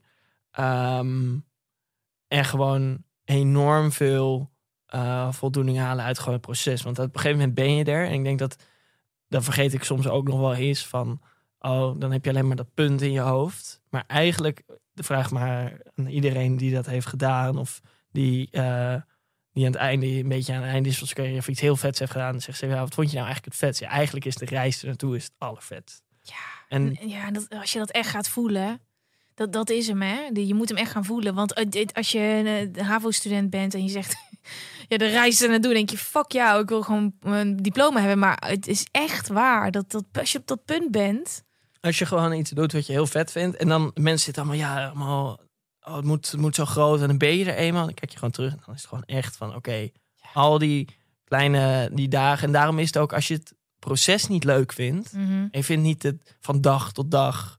Je, je hebt een bepaalde passie en je hebt een bepaalde ambitie. Als je er niet elke dag voor wil werken. En gewoon heel hard voor wil werken. Dan, en je hebt niet die motivatie. Dat is voor mij dus motivatie. Als je dat dus niet hebt ja, dan ga je het denk ik ook niet halen. Omdat je uiteindelijk is het gewoon de, de weg naartoe waar je, van moet, eh, waar je een beetje van moet gaan genieten. Ja, en als je drijfveer kan natuurlijk eh, op verschillende vlakken zijn. Het kan ook gewoon je ego zijn. Dat je denkt, oh, ik zou het zo fucking vet vinden als ik zo'n groot bedrijf opricht. Want dan heb ik superveel geld. Kan ik met super dikke Rolex door de PC rijden. En dan ziet iedereen me en kan ik eh, mijn vriendin allemaal Gucci geven. Weet ik veel. Dat kan een drijfveer zijn. Maar dat is niet. ah, dan geniet je waarschijnlijk niet van het proces. En dan is het dus ook niet het recept voor een supergelukkig leven. Ja, en ik denk ook niet succes, het recept voor echt succes. Nee, dat denk ik ook niet. Want dan, Nee. dat, het zijn juist, eh, het is nooit een, eh, zo'n, ah, als je elk groot verhaal, weet je, of elk groot succesvol bedrijf, of überhaupt elke atleet, als je vraagt van hoe kom je er, dan is het is nooit één rechte lijn omhoog. Het is altijd eh, ook momenten dat je gewoon echt totaal er geen zin meer in hebt. Ook gewoon momenten dat het allemaal tegen zit. Ehm, en dan, juist als je dan die motivatie hebt om, en dat doel hebt, eh, als je het alleen maar voor het geld doet, dan zijn dat niet de momenten waar je je Mhm. doorheen gaat slaan. Ja. En sommigen doen het ook wel hoor. En ik denk dat iedereen andere motivatie heeft. En dat is helemaal, helemaal prima. Ja. Ehm, dat is niet, niet waar ik het voor doe. is er niet een platform waar je ook deze shit kan delen? Want wat is nou het beste platform? Kijk, we hebben natuurlijk Twitter, Instagram, Ja. TikTok. Maar het is toch nog zo dat we in een wereld leven die je laat zien dat het alleen maar successen zijn. Je ziet gewoon niet die struggles. Ik vind het heel fijn dat je het nu dat je het hardop zegt, maar aan de buitenkant is dat er natuurlijk niet. het zou zo fijn zijn als we dat normaliseren. Want ik denk dat een hele hoop mensen daardoor minder snel op gaan geven. En ook zich minder alleen voelen. Want ja, een bedrijf opzetten of whatever je ook wil. Een business runnen of gewoon ook een 9 tot 5 baan. Daar zitten altijd struggles in. Ja, ik denk in de kern van social media. En je ziet het wel een beetje ervan weg. TikTok. hoor. TikTok. Ik vind TikTok. eh gebruik je TikTok? Ja, Ja. Ik, ik zit er ook best wel veel op, merk ik. Maar het is alles. Qua feel good, als ik dan op mijn telefoon zit. En dan dit, ik eigenlijk alle social media is altijd een beetje stressig. Of dan ben ik, eh, ben je weer verdwaald in je telefoon, zegt mijn vriend dan ook. Behalve TikTok, dan zit ik gewoon urenlang super lekker te gaan op TikTok. Ik word er gelukkig van, creatiever. Ik leer er dingen van. Het is alles. Ja, het is, het is ook een beetje het tegengeluid van... Kijk, heel veel mensen zijn toch gewoon een beetje klaar met... Oh, alleen maar de highlights, wat je eigenlijk op Instagram en alles is perfect. En dat is het grote verschil, denk ik, wat je nu ziet. Is dat die platformen, en TikTok is het beste voorbeeld... Mm. die platformen draaien niet meer... Instagram draait heel erg om status. En dat is eigenlijk waar het hele platform op gebouwd is. En kijk mij nou en dit en dat. En TikTok en bijvoorbeeld ook een Snapchat... draait veel meer, en een Twitch... draait veel meer over creativiteit... Eh, TikTok draait puur over creativiteit. Ik voel me altijd zo als ik naar al die mensen kijk, hoe v- grappig en creatief. Ik echt, ho- hoe zijn mensen zo creatief? I know, ja. Ehm, Snapchat is weer veel meer met je beste vrienden. Echt daar connectie mee. Twitch draait weer echt op community. Dus mensen hebben echt streamers. Stream je zelf? Heb je wel eens gestreamd? Je hebt wel eens een Twitch stream gedaan, toch? Nee, heb ik niet. Oh. Kijk, dit is dan op YouTube te zien. En ehm, ik heb het al een keer geprobeerd met met z'n allen mediteren. Maar toen dacht ik, ja, die met z'n allen mediteren mensen, die hebben helemaal geen zin om allemaal op Twitch in te loggen. Dat is misschien, ik dacht, Nee. dat is niet helemaal de doelgroep. Ja, het gaat daar wel. Het gaat, volgens mij hebben we het daar wel eens op Clubhouse over gehad. Het gaat ja, er wel is- natuurlijk, ja, ja, het ja. gaat ja. daar natuurlijk wel naartoe. Ehm, maar dat draait ook weer heel erg community. Dus ik geloof wel dat social media steeds meer een plek begint te worden waar je gewoon wat veel echter is. Ja. Omdat mensen daar ook gewoon behoefte aan hebben. is toch wel een beetje mensen echt wel een beetje klaar met alles maar delen met heel veel mensen en toch het wordt allemaal wat meer besloten en wat meer eh, wat echter heb ik het idee. Ehm, maar 100% het is wel het zet gewoon een bepaalde lat en dat zorgt ook weer voor stress bij heel veel mensen. En ik denk dat dat eh, ja mensen die toch gewoon meer delen, niet alleen de, alleen de highlights delen, maar ook gewoon meer de eh, de dingen die niet zo goed gaan. Ja, het zou het zou wel een betere betere plek maken. Het is meer feel good, maar inderdaad, TikTok is de plek. Ehm, even nog om deze vraag af te ronden. Nee, dit hebben we echt al, dit hebben we echt afgetikt. We gaan door naar de volgende vraag. Talent. Oké, hey, ik ben een gast. Ik vraag me af of talent aangeboren is of dat je alles kan wo- worden wat je wilt. Tim, aangeboren? Ik geloof dat. Dat is een, go- dat is een leuke vraag. Ja, hè? Eh, ik geloof dat talent aangeboren is. Mm. Maar je wordt niet de beste in iets zonder er ook heel hard voor te werken. Mhm. Dus dat vind ik altijd zo. eh, eh, zeker met topsporters en zo. Sommigen zijn super getalenteerd. Maar uiteindelijk de mensen die de top bereiken... zijn niet alleen de mensen die getalenteerd zijn... maar die ook heel hard ervoor willen werken. Dus kun je zonder talent ergens heel goed in worden, 100%. Mhm. Uiteindelijk is de sleutel denk ik een beetje van... Hey, vind iets waar je talent in hebt en waar je talenten liggen. En wat ik net zei, in je passie dus vaak ook ligt. Ja.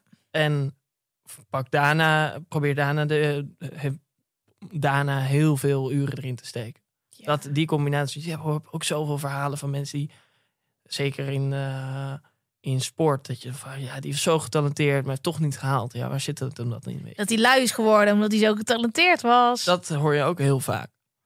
Ja, ja ik geloof dat, eh, dat je, alles dat je vaak doet, daar word je een pro in. Nou, dat is niet waar. Niet alles. Je moet wel. Ik, ik kan echt gaan trainen met atletiek. Tot, nou, misschien, misschien zit er wel in, maar ik heb er gewoon helemaal geen zin in. Dat is, dat is het ook. Maar ik denk wel dat de aanleg moet er enigszins zijn. Een sporten haak ik al meteen mentaal af. Maar Als jij 1,50 meter bent, dan weet je bijna zeker dat je nooit de beste basketballer ter wereld gaat challenge accepted. Dus ja. het is ook, het is ook ja, daar, je, daar weer terug heel erg naar jezelf kijken. Waar, Mhm. waar begin, kijk naar jezelf en daarna is het gewoon heel hard voor willen werken. Ja, je hebt ook dus een hele spirituele tak met het ma- manifesteren en zo. Ben je daar een beetje in thuis? Je vriendin Totaal misschien niet. wel. Nou, dat, dat je... Dat The Secret, ken je dat boek? Nee. Nou, dat is...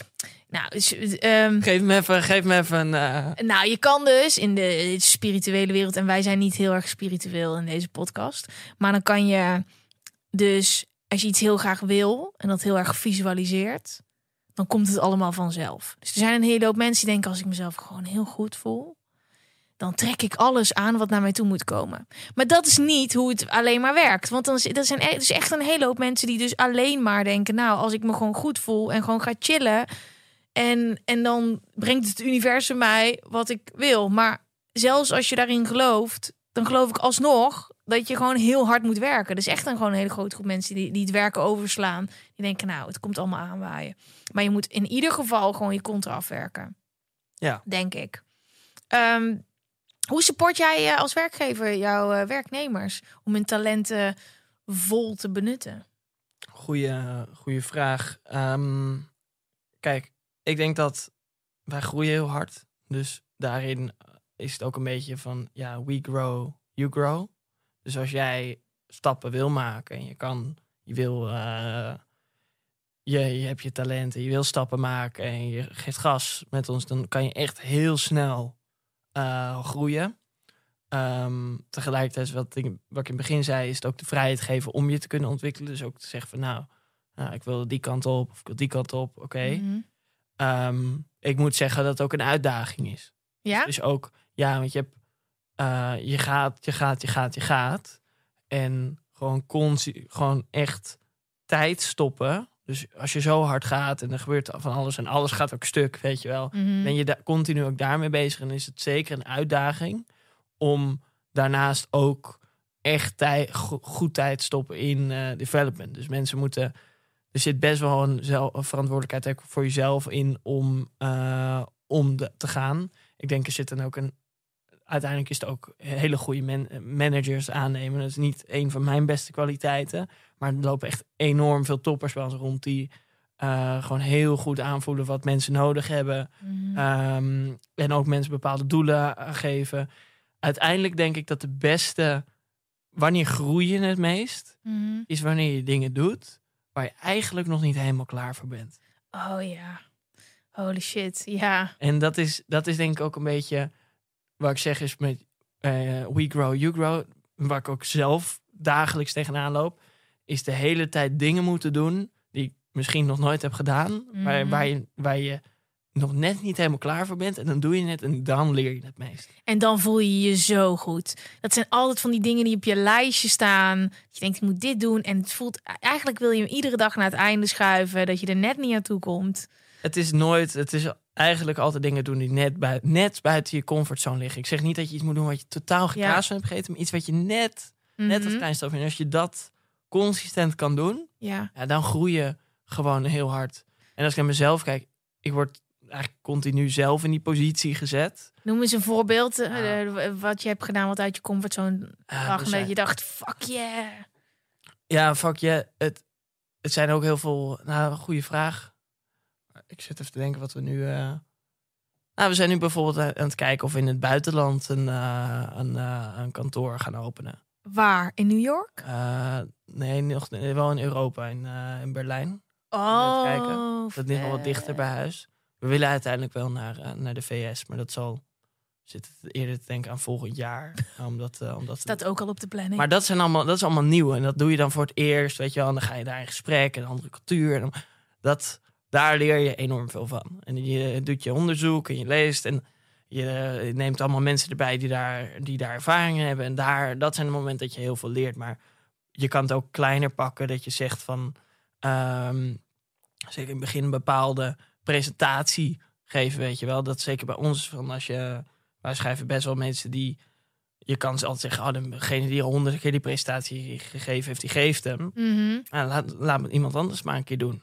Dat is, Maar ja, het is toch als werkgever lijkt me dat best moeilijk. Want je wil gewoon dat die gast, die gewoon als een beest kan presenteren, dat hij dat gewoon op zich pakt. En dan is het toch ook wel een stap om dat uit handen te geven aan iemand die daar nog in moet leren. Dan moet je als werkgever wel sterk in staan. Daar eh, moet je zeker sterk in staan. Maar ik geloof dat dat wel de manier is waarop je het snelst kan gaan groeien. Ja, Want uiteindelijk, dat is bij ons dan, uiteindelijk die persoon die hem al honderd keer gegeven heeft, die heeft uiteindelijk geen tijd meer. Want die heeft, dan komen er zoveel presentaties dat je wel moet. mhm, ja, Ehm, en wij zeggen eerder van oké, ge- vertrouw gewoon in de mensen. Je groeit gewoon het snelst als je dat doet. Dus het is ook van ze dagen mensen uit om het echt om ook een stapje verder en plaatsen iets uit hun comfortzone. Dat is ook voor jezelf meer van hey, hoe ga je nou dingen doen die me net niet helemaal lekker liggen. mhm, En, eh, en wat je wel leuk vindt om te doen waar je heen wil. En daar, dan, dat zijn de momenten dat je het allermeeste leert.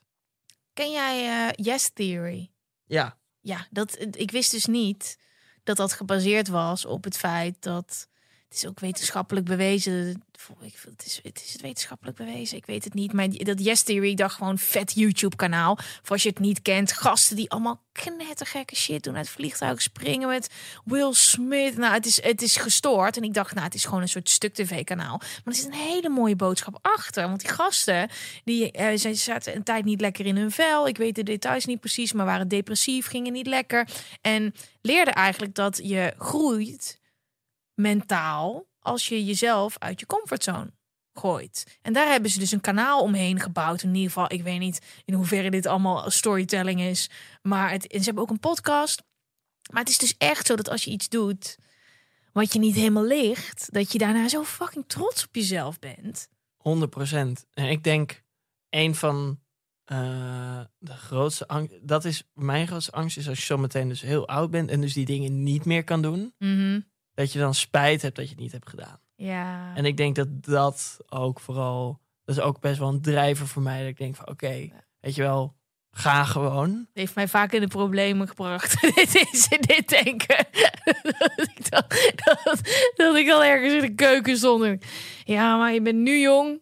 Dus als je er nu. Nee, nee, want ik zeg, ik, jij hebt dus het balkon. Ja. Ik zeg altijd de keukentafel. Als je dus later met je kids aan de keukentafel zit, dan moet je al die shit kunnen zeggen. Zakelijk, maar ook privé. Dat je al alles hebt gedaan. En dan, dan kan je er wel om lachen. Ja, alle dingen dat je op je bek bent gegaan. Gewoon dat je gewoon geen spijt hebt dat je bepaalde dingen, oh had ik maar dit gedaan. Dat lijkt me Mhm. zo, zo... Soul crushing. Ja, so crushing dat je gewoon, en dan kan het gewoon niet meer. Ja. gezondheid of wat dan ook. Het is Ja. gewoon, moet ook maar, ook maar op, die, eh, op die manier. eh, Mooi. Oké, volgende. Hey, ik ben een gast. Ik luister iedere week met zoveel plezier naar de podcast. Ik kan er bijna niet meer onderuit om zelf mijn brandende vraag in te sturen. Ja, dankjewel. Kunnen jullie allemaal doen op www.metsallen.nl. Ik ben heel erg blij met al jullie vragen. Ehm, sinds kort heb ik een leidinggevende functie en ik kan wel wat tips gebruiken. Hoe kan ik sympathiek blijven zonder dat mensen over me heen gaan lopen?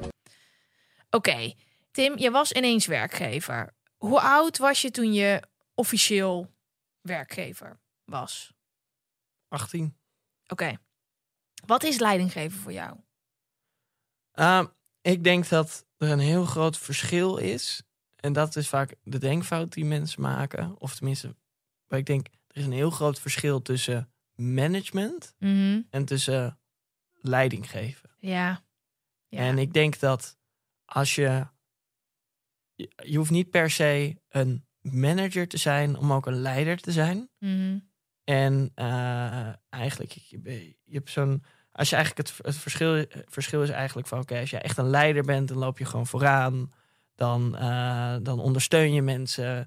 Dan ben je eerder een coach dan dat je eh, een manager bent of een baas. Mhm. Ik denk een leider die vertelt je: oké, een manager, een manager is heel goed in. We hebben een bepaalde trap. En daar moeten we gewoon zo snel mogelijk omhoog. Zo efficiënt mogelijk. En dit is hoe we het gaan doen. En een leider die vertelt: nou, staat die trap eigenlijk wel tegen de juiste muur aan. Mhm. Ja. Eh, dus Mooi. als ik naar mezelf kijk, ik ben denk ik minder manager. Maar ik zit veel meer op het stukje: oh, waar gaan we met z'n allen naartoe? En hoe, wat is de visie wat we daarbij hebben? Mhm. Ehm, ja, dus dat eigenlijk. Dus heel veel, heel veel. ehm, denk als je, hoe word je een goede leider? Ook veel meer vertrouwen hebben in de, in de mensen te laten doen. En, dat, en daar dus eh denk van, nou, hier gaan we heen. En eh, dit is wat jouw verantwoordelijkheid is. En als je hulp nodig hebt, dan hoor ik het wel. Mhm. En wat je toch vaak ziet, is dat als je echt een manager hebt, en dan gaat hij er, zit hij echt daar vooral op. Op gewoon, nou, wat ben je aan het doen? En eh, micromanagement is natuurlijk zeker een, eh, een grote term. Ik denk dat dat een beetje, hoe- dat is hoe ik er naar kijk. Is het niet. Ehm, wat zijn de gouden regels binnen Go Spooky? Wees jezelf. Je hele, neem je hele, je volledige zelf mee, ehm, mee naar werk. Eh, be first. Dus wees de eerste. Mhm. Wij zijn liever de eerste met iets. En dat we, dan dat we de tiende zijn. En dat we, en dat we, we zijn liever de eerste en dat we het gewoon goed doen. En dat we een zeven halen. Dan dat we de tiende zijn en we doen het helemaal perfect. Ehm, Wauw, nice. open en eerlijkheid. Dus wees, ehm, zeg, wat je, zeg wat je denkt, maar wel altijd in de beste interesse van iemand anders. Mhm. Dus dat bedoelen we met straightforward. Dus niet denken van, oh, zeg alleen iets als je ook denkt dat het je de ander kan helpen. Ja. Ehm, en de laatste is veel meer, hey, kies, durf ook nieuwe, nieuwe, nieuwe paden te kiezen. Dus probeer dingen te doen die nog nooit iemand anders heeft gedaan. Ik denk dat past een beetje bij first, maar dat zijn eigenlijk de paar gouden, gouden regels eh, die we hebben. En als je dus zo kijkt wat ik net zei met het stukje management en leiderschap, wij zitten heel erg op eh, vrijheid. Ja. Ze geloven wat ik zeg. Als je een goed idee hebt, je hoeft niet te. Ook eerst wat ik zeg als mensen binnenkomen. Hey, als je een goed idee hebt, ga er gewoon voor. Want alle toffe dingen zijn hier gewoon gedaan door iemand. Mhm. Ehm, vrijheid, maar ook de verantwoordelijkheid die erbij past. Dus we zeggen ook gewoon van ja, als jij eh, eh, vakantiebeleid bijvoorbeeld. Ja. Zeg gewoon van ga maar, neem vakantie, ga maar gewoon zoveel. Dit is wat we ongeveer adviseren. Maar als jij lang op vakantie wil, doe het vooral. Je hebt de verantwoordelijkheid zelf die erbij, eh, die erbij past. Ehm, Je gaat toch niet in één keer twee maanden op vakantie. nou, dat zou wel kunnen bij ons. Oh, wat vet zeg. Ik geloof daar zo in. Maar ik ben natuurlijk al heel erg lang mijn eigen baas. Maar je floreert toch alleen maar als je gewoon je optimale zelf kan zijn. En als je dat gaat afkaderen en inperken, dan haal je niet het meeste uit je werknemer. Nee, en ik geloof dat mensen, als je heel veel slimme mensen in een ruimte stopt en je geeft ze een bepaald doel Ja. en je vertelt ze niet hoe ze het moeten doen, Mm. je geeft ze gewoon alleen doel, geloof ik dus ook heel erg dat ze, dat ze er wel gaan komen. Mm. Op een manier die waarschijnlijk Waarvan je, innovatiever is dan. eh, dat vind ik het allervet. Als je gewoon eh, mensen iets doen, en zeker we doen bijvoorbeeld heel veel op, eh, zeker die nieuwe technieken en al die dingen, dat je iets in je, denk je van nou, dat ze gewoon, dat je continu verrast wordt door waar andere mensen mee komen. Dat is echt zo vet, dat je dan denkt van holy shit, dit is zo, zo slim. Ja. Hey, jij zegt eh, als werknemer zelf verantwoordelijkheid nemen. Maar hoe voelt het voor jou om in één keer verantwoordelijk te zijn voor zoveel mensen? Ehm, Of heb je daar nog nooit zo op die manier over nagedacht? ja, nee, zeker, natuurlijk wel. Het is natuurlijk wel een, z- zijn eh, zeker mensen, mensen hebben gezinnen, zijn allemaal afhankelijk, uiteindelijk afhankelijk van jou. Maar ik denk dat ik, dat is denk ik ook de core. In die end ben ik verantwoordelijk samen met mijn compagnon natuurlijk. Mhm. Ehm, maar zo voel ik het niet, omdat we gewoon zoveel eh, talentvolle mensen om ons heen hebben. Dus je deelt ook een beetje gewoon die last met elkaar. En je hebt gewoon, je doet het niet, ik doe het niet in mijn eentje. Nee, En dat zeker. zeker om zoveel getalenteerde mensen en zoveel goede mensen om je heen te hebben, dat geeft ook heel veel rust. Met dat je denkt van oké, gooi welke challenge dan ook. En we gaan, eh, we hebben echt wel problemen, zeker als je zo snel groeit, waar je mee moet dealen. Maar ik heb altijd wel vertrouwen dat we, dat we het gewoon fixen. Ja. ja, dat is wel een soort klikmoment hoor. Als ik dan denk aan het bedrijf wat ik wil opstarten. En als ik kijk naar de bedrijven ook die ik ken. Als je alles gaat afkaderen, voel je je denk ik ook een stuk eenzamer. En sta je er ook echt meer alleen voor. In plaats van als je mensen vrijlaat, dan doe je het echt samen. En dan is het ook in één keer een stuk leuker om die leider te zijn. In plaats van dat je mensen gewoon allemaal taken geeft. En dit is hoe we het gaan doen. En jullie gaan dit allemaal fixen. Dan sta je er uiteindelijk toch alleen voor. 100%. Ah, vet. Ehm, hoe zit het met work-life balance? Hele goede vraag. Dit is best wel. eh, Kijk, wij hebben nu best wel, dit is best wel een thema. Zeker nu met COVID en met, met allemaal jonge mensen. Dus het is gewoon, het kan best wel zwaar zijn. Zeker als je gewoon best wel het werk lijkt, stapelt alleen maar op, groeit. Dingen, eh, je vindt niet eh, best wel veel mensen die we aan moeten nemen. Dus het kan best wel soms zijn dat je denkt van, oh, wat is, dat is veel. Als je mij work-life balance vraagt, ik hou nooit zo van de term. Omdat work-life balance is voor iedereen anders. Mhm. Voor mij is het persoonlijk dat ik gewoon makkelijk 70, 80 of gewoon echt wel uren kan maken. En dat het dus dat ik niet dat mijn privé er niet onder leidt. Sommige mensen die vinden gewoon nu vinden het chill 9 tot 5 en na een extra tijd met hun kinderen door te brengen. Uh, ik denk dat dat voor iedereen anders is. En je hebt ook te respecteren dat de mensen die jonger zijn, dat die zeggen, ja, ik wil daar wat harder voor gaan dan bijvoorbeeld iemand die wat later in zijn carrière is, dat die en wij, ik wil beide hebben. Mhm. Dat, moet, dat is denk ik, voor iedereen is die balans anders. En het is ook voor jezelf om aan te geven van, hé, hey, dit is mijn balans. Um, en daar komt het ook weer op vrijheid neer. Is bijvoorbeeld te zeggen van, nou, als je een keer een avond overwerkt, neem de volgende ochtend lekker vrij, weet je wel. Mhm. Uh, je hoeft van mij niet om negen uur uh, weer te zitten. Um, maar dit is zeker, een, zeker, zeker in deze tijden is het echt wel een, uh, een challenge. En je merkt toch wel zeker met heel veel jonge mensen dat eenzaamheid, um, je, geen sociaal contact, dat is echt wel, uh, dat hakt er echt wel in. Ja, en daarvoor was het misschien ook al actueler dan ooit en dan nu nog meer. Maar burn-out onder jonge mensen, het, maakt niet eens uit hoe oud je bent, maar nu staat er een beetje spotlight ook op jonge mensen. Is dat iets dat je kan voorkomen? Um, ik geloof het wel. Ik denk dat het heel erg luisteren is naar. Uh, het, is, het is bij vrijheid, mensen vrijheid geven. Dus zeggen van. Ik denk hoe je het voorkomt in een organisatie is door te zorgen dat het geen taboe is. Ja. Dus door er actief over te praten. Uh, toevallig hebben wij vorige week een nieuw initiatief gelanceerd. Dat eigenlijk iedereen in het, uh, in het kantoor. die kan gewoon heel makkelijk een afspraak maken met een, met een psycholoog.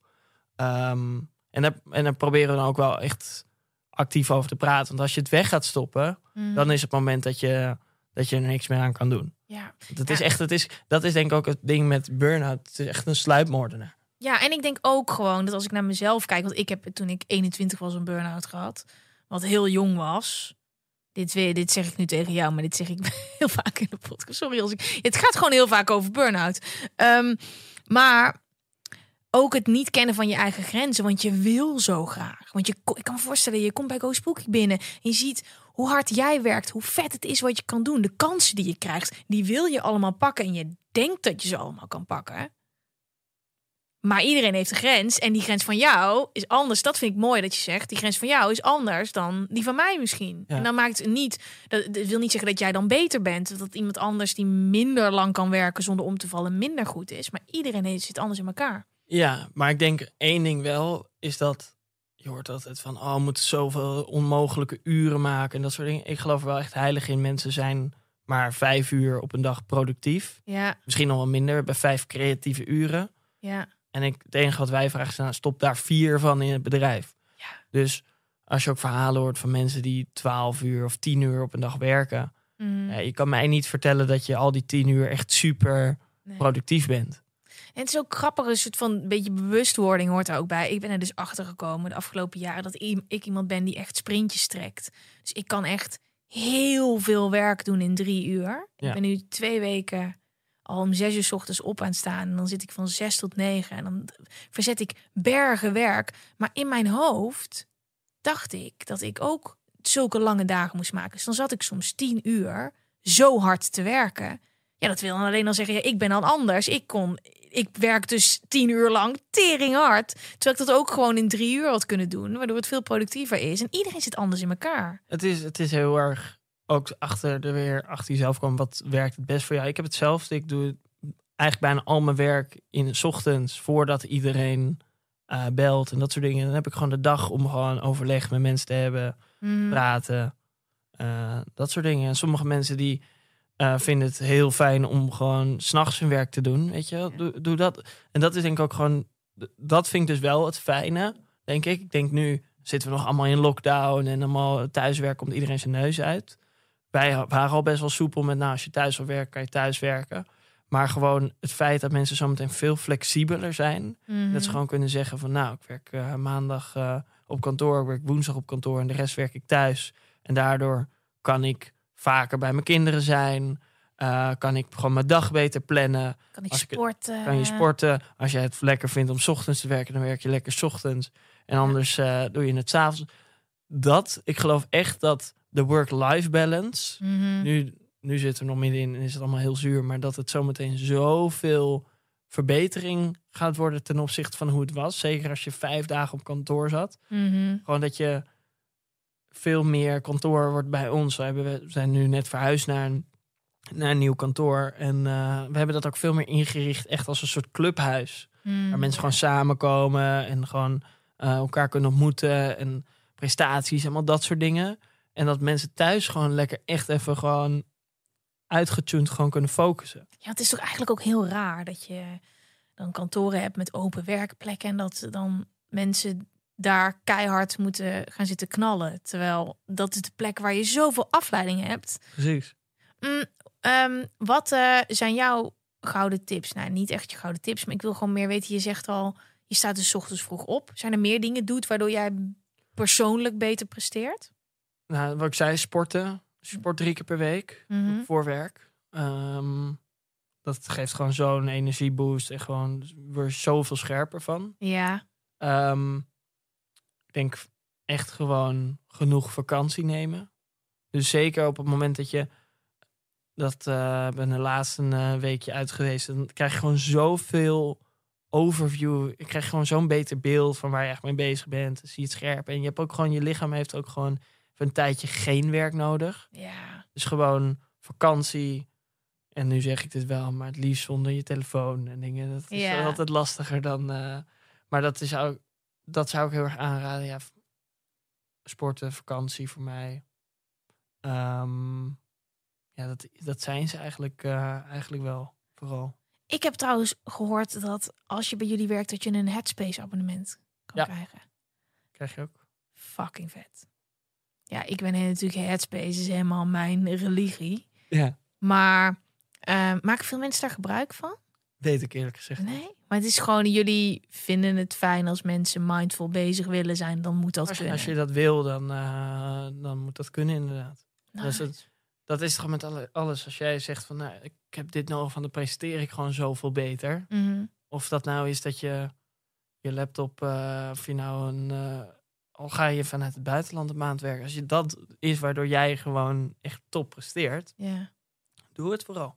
Ik denk dat mensen die nu luisteren, die in deze business zitten, helemaal wild worden. Dat je daar in één keer 500 aanvragen hebt voor nieuwe stagiaires. Zoeken, hebben jullie eh, vacatures openstaan? Ja, echt een hele hoop ook. Dus, Oké. eh, en dan gaan- kunnen ze naar, waar zijn alle... eh, jobs.cospooky.com. Oké.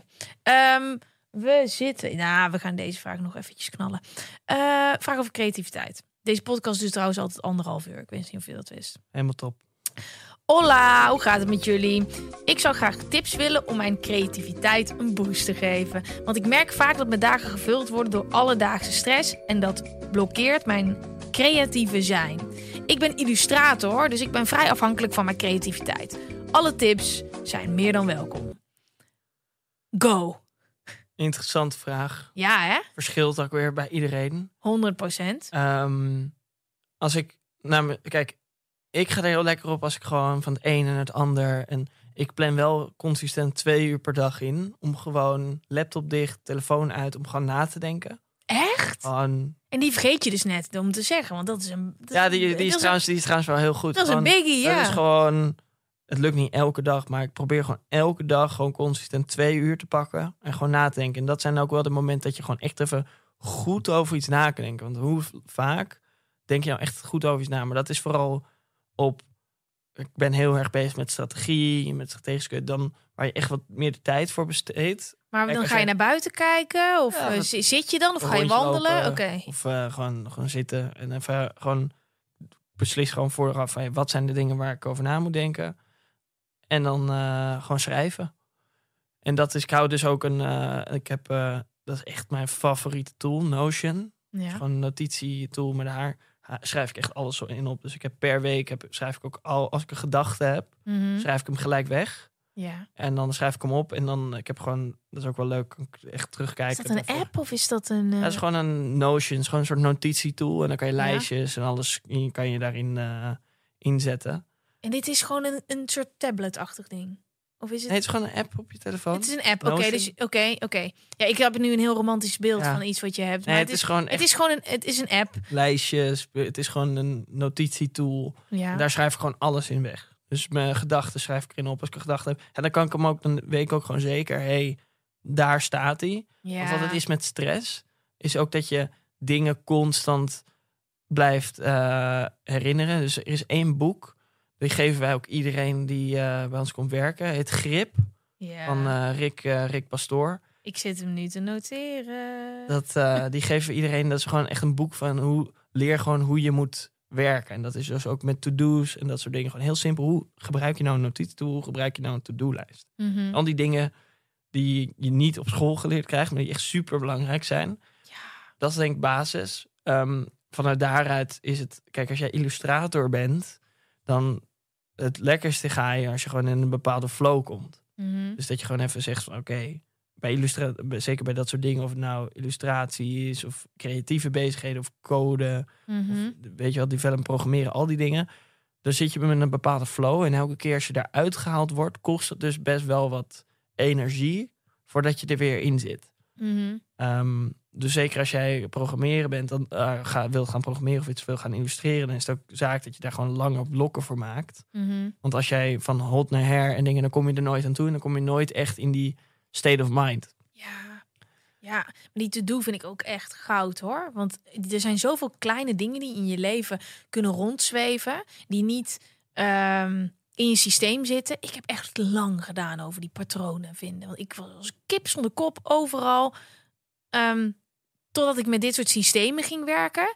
En dan als dat automatisch loopt, en dat duurt echt wel even voordat het automatisch loopt. Het is niet dat jij bedacht, waarschijnlijk, ik ga notities maken. Dan moet je echt eventjes op oefenen dat het erin zit. Maar als het erin zit, heb je gewoon zoveel meer ruimte. Ja, je hebt gewoon heel veel denkruimte over. En gewoon, je wordt niet constant herinnerd, oh, dat moet ik nog doen of dat moet ik nog doen. Ja, of ik weet dat er En- nog iets is waar ik aan moet. Ja. En dat is denk ik stap 1. En stap 2 is heel erg van: oké, je hebt heel veel dingen die zijn heel urgent. Die moeten in één keer gefixt worden. Allemaal problemen en dat soort dingen. Eh, en sommige dingen zijn ook belangrijk en urgent. Nou, die moeten gelijk opgelost worden. Mhm. Maar heel veel van de tijd ben je dingen bezig die wel urgent zijn. En die gelijk je aandacht vragen. Maar zijn ze ook echt belangrijk? Ja. En juist tijd maken. En daar geloof ik dat als je het over groei hebt, waar ook heel veel groei in zit, is als je gewoon tijd kan maken voor de dingen die niet per se nu gefixt moeten worden, maar wel heel belangrijk zijn. Mhm. Dat ene, dat ene plannetje wat je nog wou maken. Of het vinden van die ene mentor. Of toch een keer dat boek schrijven of wat dan ook. Mhm. Die dingen die altijd op de plank blijven liggen, omdat je altijd maar zo druk bent met andere dingen. Als je daar consistent tijd voor vrij weet te maken, dat zijn de momenten waar je eigenlijk het meeste uit gaat halen. En dat zijn ook de dingen waar je het meeste resultaat van gaat zien. Ja, 100 procent. 100 procent is mijn stopwoord al. Tien afleveringen, denk ik. Maar het is, het is zo makkelijk om je hele dag in te vullen met allemaal kleine bullshit die je super makkelijk kan doen. Ja. Dingen die dat je nu denkt, oké, ik moet dit doen, kan, kan je eigenlijk meteen doen. Maar je zet het op je lijstje. Voordat je het weet, heb je iedere dag tien dingen op je lijstje staan. Terwijl je niet aan die grote shit toe komt en uiteindelijk helemaal niet vooruit gaat. Nee. Heel interessant is dat, hè? Ehm, zij, is het een zij? Weet ik wat? ehm, nee, er staat niks bij. Maar tips om je cre- creativiteit te boosten. Het boek Grip is handig om te lezen, om structuur te krijgen dan. En waardoor je meer ruimte in je hoofd krijgt. Gaat het ook over creativiteit? Mm, niet per se. Het gaat wel meer gewoon over hoe kun je focussen op de dingen die jij gewoon belangrijk vindt. En Ja. to do is er een van. Meer die, die. Kijk, ik geloof dat sommige mensen zijn best wel gestructureerd van zichzelf. Sommige mensen zijn wat minder gestructureerd. Mhm. Ik denk dat je wel enige structuur moet hebben Ja, om gewoon de meeste progressie te maken. ja. Ehm, creativiteit, ja, ik geloof dus wel dat. Heb jij dat ook? Dat je als je dan een moment echt niks aan het doen bent, dat dan je beste ideeën komen? Playtime is het vooral. Als je, als je n- niksen. Nou, dat to- Ja. toevallig gisteren nog. Dan, ik val dus vaak in die. Dat ik denk dat de maatschappij me dat heeft aangeleerd. Maar dat ik dan allemaal dingen moet doen. En dan verwacht ik gewoon van mezelf dat dat dan ik mag wel eten van mezelf, maar ik ben dat aan het doen. En toen was ik, er waren van die dingen binnengekomen, van die moestuintjes van de Albert Heijn. Ja. Daar had ik in één keer zin in om dat te gaan doen. Nou, stond ik in de keuken en dacht ik, wow, ik voelde me schuldig. Toen dacht ik, nee man, want ik ga niet, ik was echt een, een playlist uit de 90s over 2000 aan het luisteren. Ik was aan het zingen, ik was die moestuintjes aan het doen. En daarna ging ik zo lekker. Toen dacht ik, ja, dit horen gewoon je dagen te zijn. Maar in ons hoofd zit toch nog vaak het beeld van werken is beuken, is niet plezier maken. Dat doen we in de avond of in de weekenden. Terwijl als je visie daarop verandert en je gaat eens niksen. Of je gaat eens gewoon, ja, nou, ik vind, ik vind moestuintjes planten niks, hè. Dan komt het. Of net voordat ik in slaap val. Ja, of onder de douche. Ja, Altijd. ja. Maar ik denk ook wel dat eh, mijn telefoon een grote rol daarin speelt. Als ik, eh, sowieso als ik doelen heb om aan te werken, zit ik minder op mijn telefoon. Dan heb ik meer focus. Ehm, maar dat ehm, social media kan wel echt een creativiteitskiller zijn. Omdat je het gevoel krijgt dat je en al te laat bent. Iedereen heeft het al gedaan. Hoezo zijn zij zo slim? Waardoor je hele eigen creativiteit eh, geblokt raakt. Ja, en het allerlekkerste vind ik gewoon een maand lang op vakantie gaan. Echt, ik hunker daar gewoon naar. Ik heb al 10.000 keer tickets zitten kijken. En dan zie ik ook dat ik ergens een maand lang in quarantaine moet. En dat doe ik gewoon niet nu. Maar een maand lang weggaan uit je eigen omgeving. Notitieboek, telefoon in de kluis. Nou, dat is gewoon magic. Super chill. Ja. Ik, kan, ik begin me na een maand dus wel te vervelen. Ja, ik vind drie weken ideaal. Een maand is die laatste week. Ik heb het getest. Dat is wel dat ik een beetje dat ik me aan dingen ga En nog eh, zelf dus... Ik vind zelf dus eerder... De eerste week is altijd, altijd wennen. Dan de tweede week. Ja, Dan kom je eigenlijk tot, tot rust. En derde week is gewoon helemaal eruit. besef van tijd kwijt. Precies. Ja, ja. Ja. Dus eh, nee, ja, boost creativiteit. Ik vind dus ook wel, als je dan creativiteit, wat is creativiteit dan? Creativiteit is eigenlijk gewoon ook een beetje verbanden leggen. Want creativiteit is altijd, oh, je verzint iets heel nieuws. Mhm. Eigenlijk is dat nooit zo. ja. Het is altijd een soort van iteratie op iets wat je al weet. Of je brengt twee dingen, gekke dingen samen en dat is dan een nieuw idee. Mhm. Dus ik denk naast inderdaad ruimte pakken voor jezelf en jezelf de tijd te gunnen om met creatief idee te komen en Mhm. daarover na te kunnen denken en dat er niet continu geleefd worden. Dat is één. Ik denk ook tweede is heel erg als je heel veel unieke indrukken hebt Mhm. en gewoon dingen ziet, bijvoorbeeld die niet heel veel mensen of ervaring hebt die niet heel veel mensen hebben. Ja. Ehm, of dat nou reizen is, of bepaalde informatie of boeken of wat dan ook. Eh bepaalde film.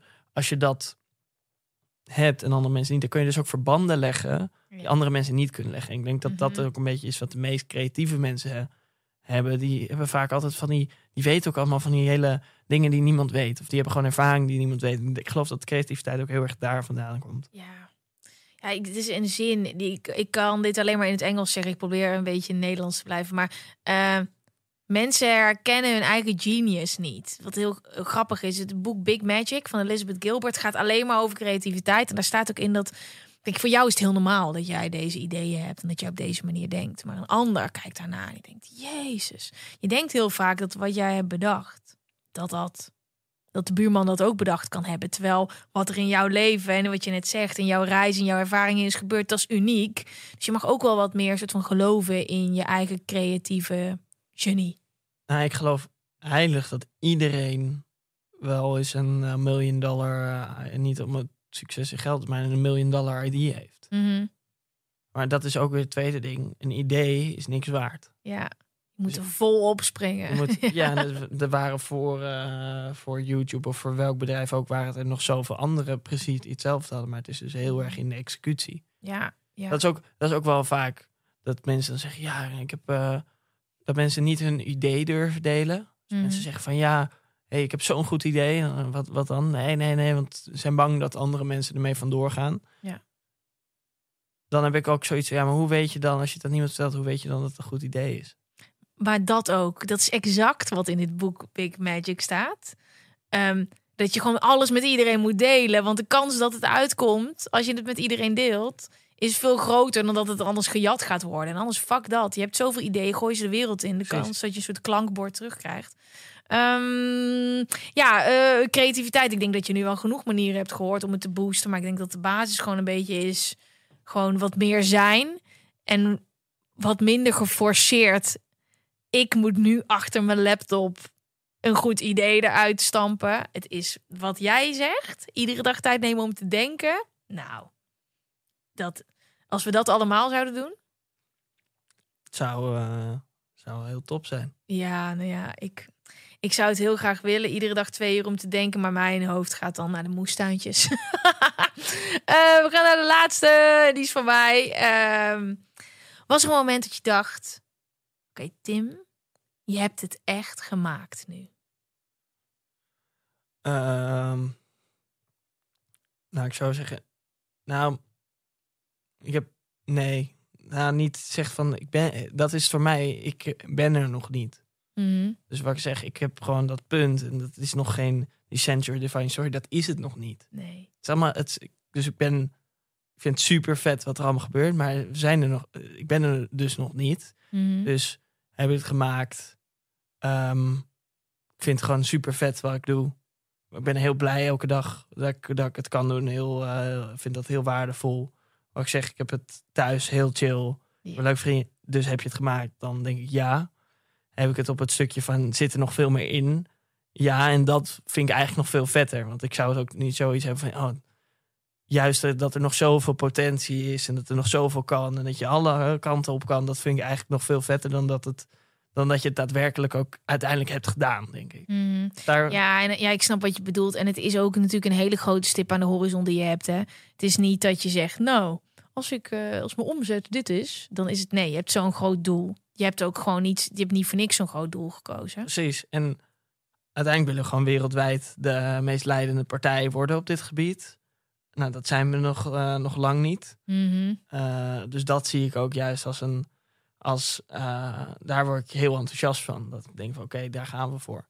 En tegelijkertijd kan het ook, ik noem ook wel eens vaak heel erg crippled by opportunity. Van er kan zoveel. En je hebt zoveel, zoveel kansen. En dat is ook een beetje van met mij als ik zoiets heb van oh, ik doe iets. Dan kan ik er ook best wel snel alweer op uitgekeken zijn, omdat er alweer iets nieuws is. Of iets. Anders uiteindelijk is het ook een beetje van oké, kiezen waar ga je voor en daar gewoon volle bak voor gaan. Uh, maar tegelijkertijd, ja, ik heb, ik heb er ook zo'n heel boekje in Ocean. met, allemaal, met allemaal andere ideeën voor andere bedrijven. Al, zit er allemaal, allemaal in. Dus dat heb ik ook tegelijkertijd. Ik ook denk, ja, ben je mee bezig? Ja, ik zou ook wel dit willen doen, weet je. Dus het is, uh, dus dat hoort er ook allemaal bij. Het is, het is in ieder geval heel, ik vind het heel leuk om te doen. En ik vind het heel leuk om met zoveel uh, leuke mensen. En ik vind het ook leuk om het verhaal te kunnen delen met andere mensen. Ik hoop dat mensen er iets aan hebben. Dus dat. Uh... Ja, en ik ben heel benieuwd waar die focus, waar je het over hebt. Dus dat focussen op één ding en dat gewoon heel goed doen. En daar vol gas induiken met allemaal mensen die superveel talent hebben. Waar dat uh, jou en jullie met Go Spooky gaat brengen de aankomende jaren. Ik ben echt heel benieuwd. Ik ben ook heel benieuwd. Ha, ja, dankjewel dat je en dankjewel dat je er was. En uh, ik uh, wil iedereen die uh, op zoek is naar een, uh, naar een plek om te werken, want ik en ik weet zeker dat na alles wat je hebt verteld, dat een hele hoop mensen in één keer wakker worden. Um, ga lekker kijken naar die vacatures die er openstaan. En ja, ik, ik heb een andere job. Maar anders zou ik echt, als ik kijk naar alle bedrijven die er zijn, ik ga nooit, denk ik, voor een baas werken. Maar als, het, als ik voor een bedrijf zou moeten gaan werken, dan zou het fucking Go Spooky wel zijn hoor. Super vet. Ja. Leuk. Um, wij sluiten altijd af met een uh, recensie. Dat is niet waar. Dit is de tweede keer dat we dit doen. En het voelt heel ongemakkelijk, want ik had dus gezegd we gaan afsluiten met recensies. Maar het is nu of ik iedere keer heel veel veren in mijn eigen kont aan het steken ben. Maar ik vind het gewoon leuk als jullie recensies achterlaten op Apple uh, Podcast. Uh, daar gaan we. Hij is van Soraya. Geweldige podcast. ik weet of ik het zelf heb geschreven. Geweldige podcast. Verslavend. Heel vaak een lach en soms een tranen met deze podcast. Maar altijd heel veel inspiratie. Gwen doet het zo, want dit is zo gemakkelijk. Gwen doet het zo fantastisch. Zo'n lieve, vrolijke stem. Zo fijn om naar te luisteren. dit is de laatste keer dat ik dit doe. Verrassende verraden van de gasten ook. Ik was meteen verslaafd bij de eerste aflevering. Ondertussen bijna alles geluisterd en een steeds grotere fan. Oh my god, ik word zo ongemakkelijk hiervan. Dit is gewoon één grote... Um, bedankt als jullie zulke lieve recensies achterlaten. Ze hoeven minder lovend, ze hoeven niet per se zo lovend te zijn, maar drop het op in Apple Podcast. En dan zijn we de volgende week weer. De mazzel. Dankjewel, Tim. Super, Dankjewel. leuk.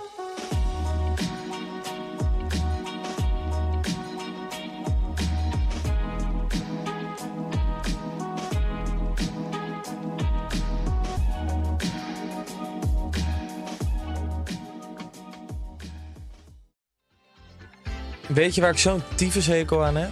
Toeristen, als het te druk is in de stad, zelf koken. Ja, alles wat je nu zojuist benoemt. En daarom maken jij, denk Daan Hogevorst, Ja, Robert Rodenburg. een podcast waarin we alleen maar klagen. Want klagen is HET medicijn tegen het collectieve leed wat maandag heet. Dus elke maandagochtend een nieuwe te horen op je favoriete podcast-app. Maandag Klaagdag! Jezus, zingen moeten wij nooit doen. Heb jij vragen of klachten over een van onze podcasts? Daar hebben we geen mailadres voor. Wil je adverteren in podcasts van Tony Media en staan waarvoorheen Coca-Cola en Google stonden? Mail dan naar adverteren@tonymedia.nl.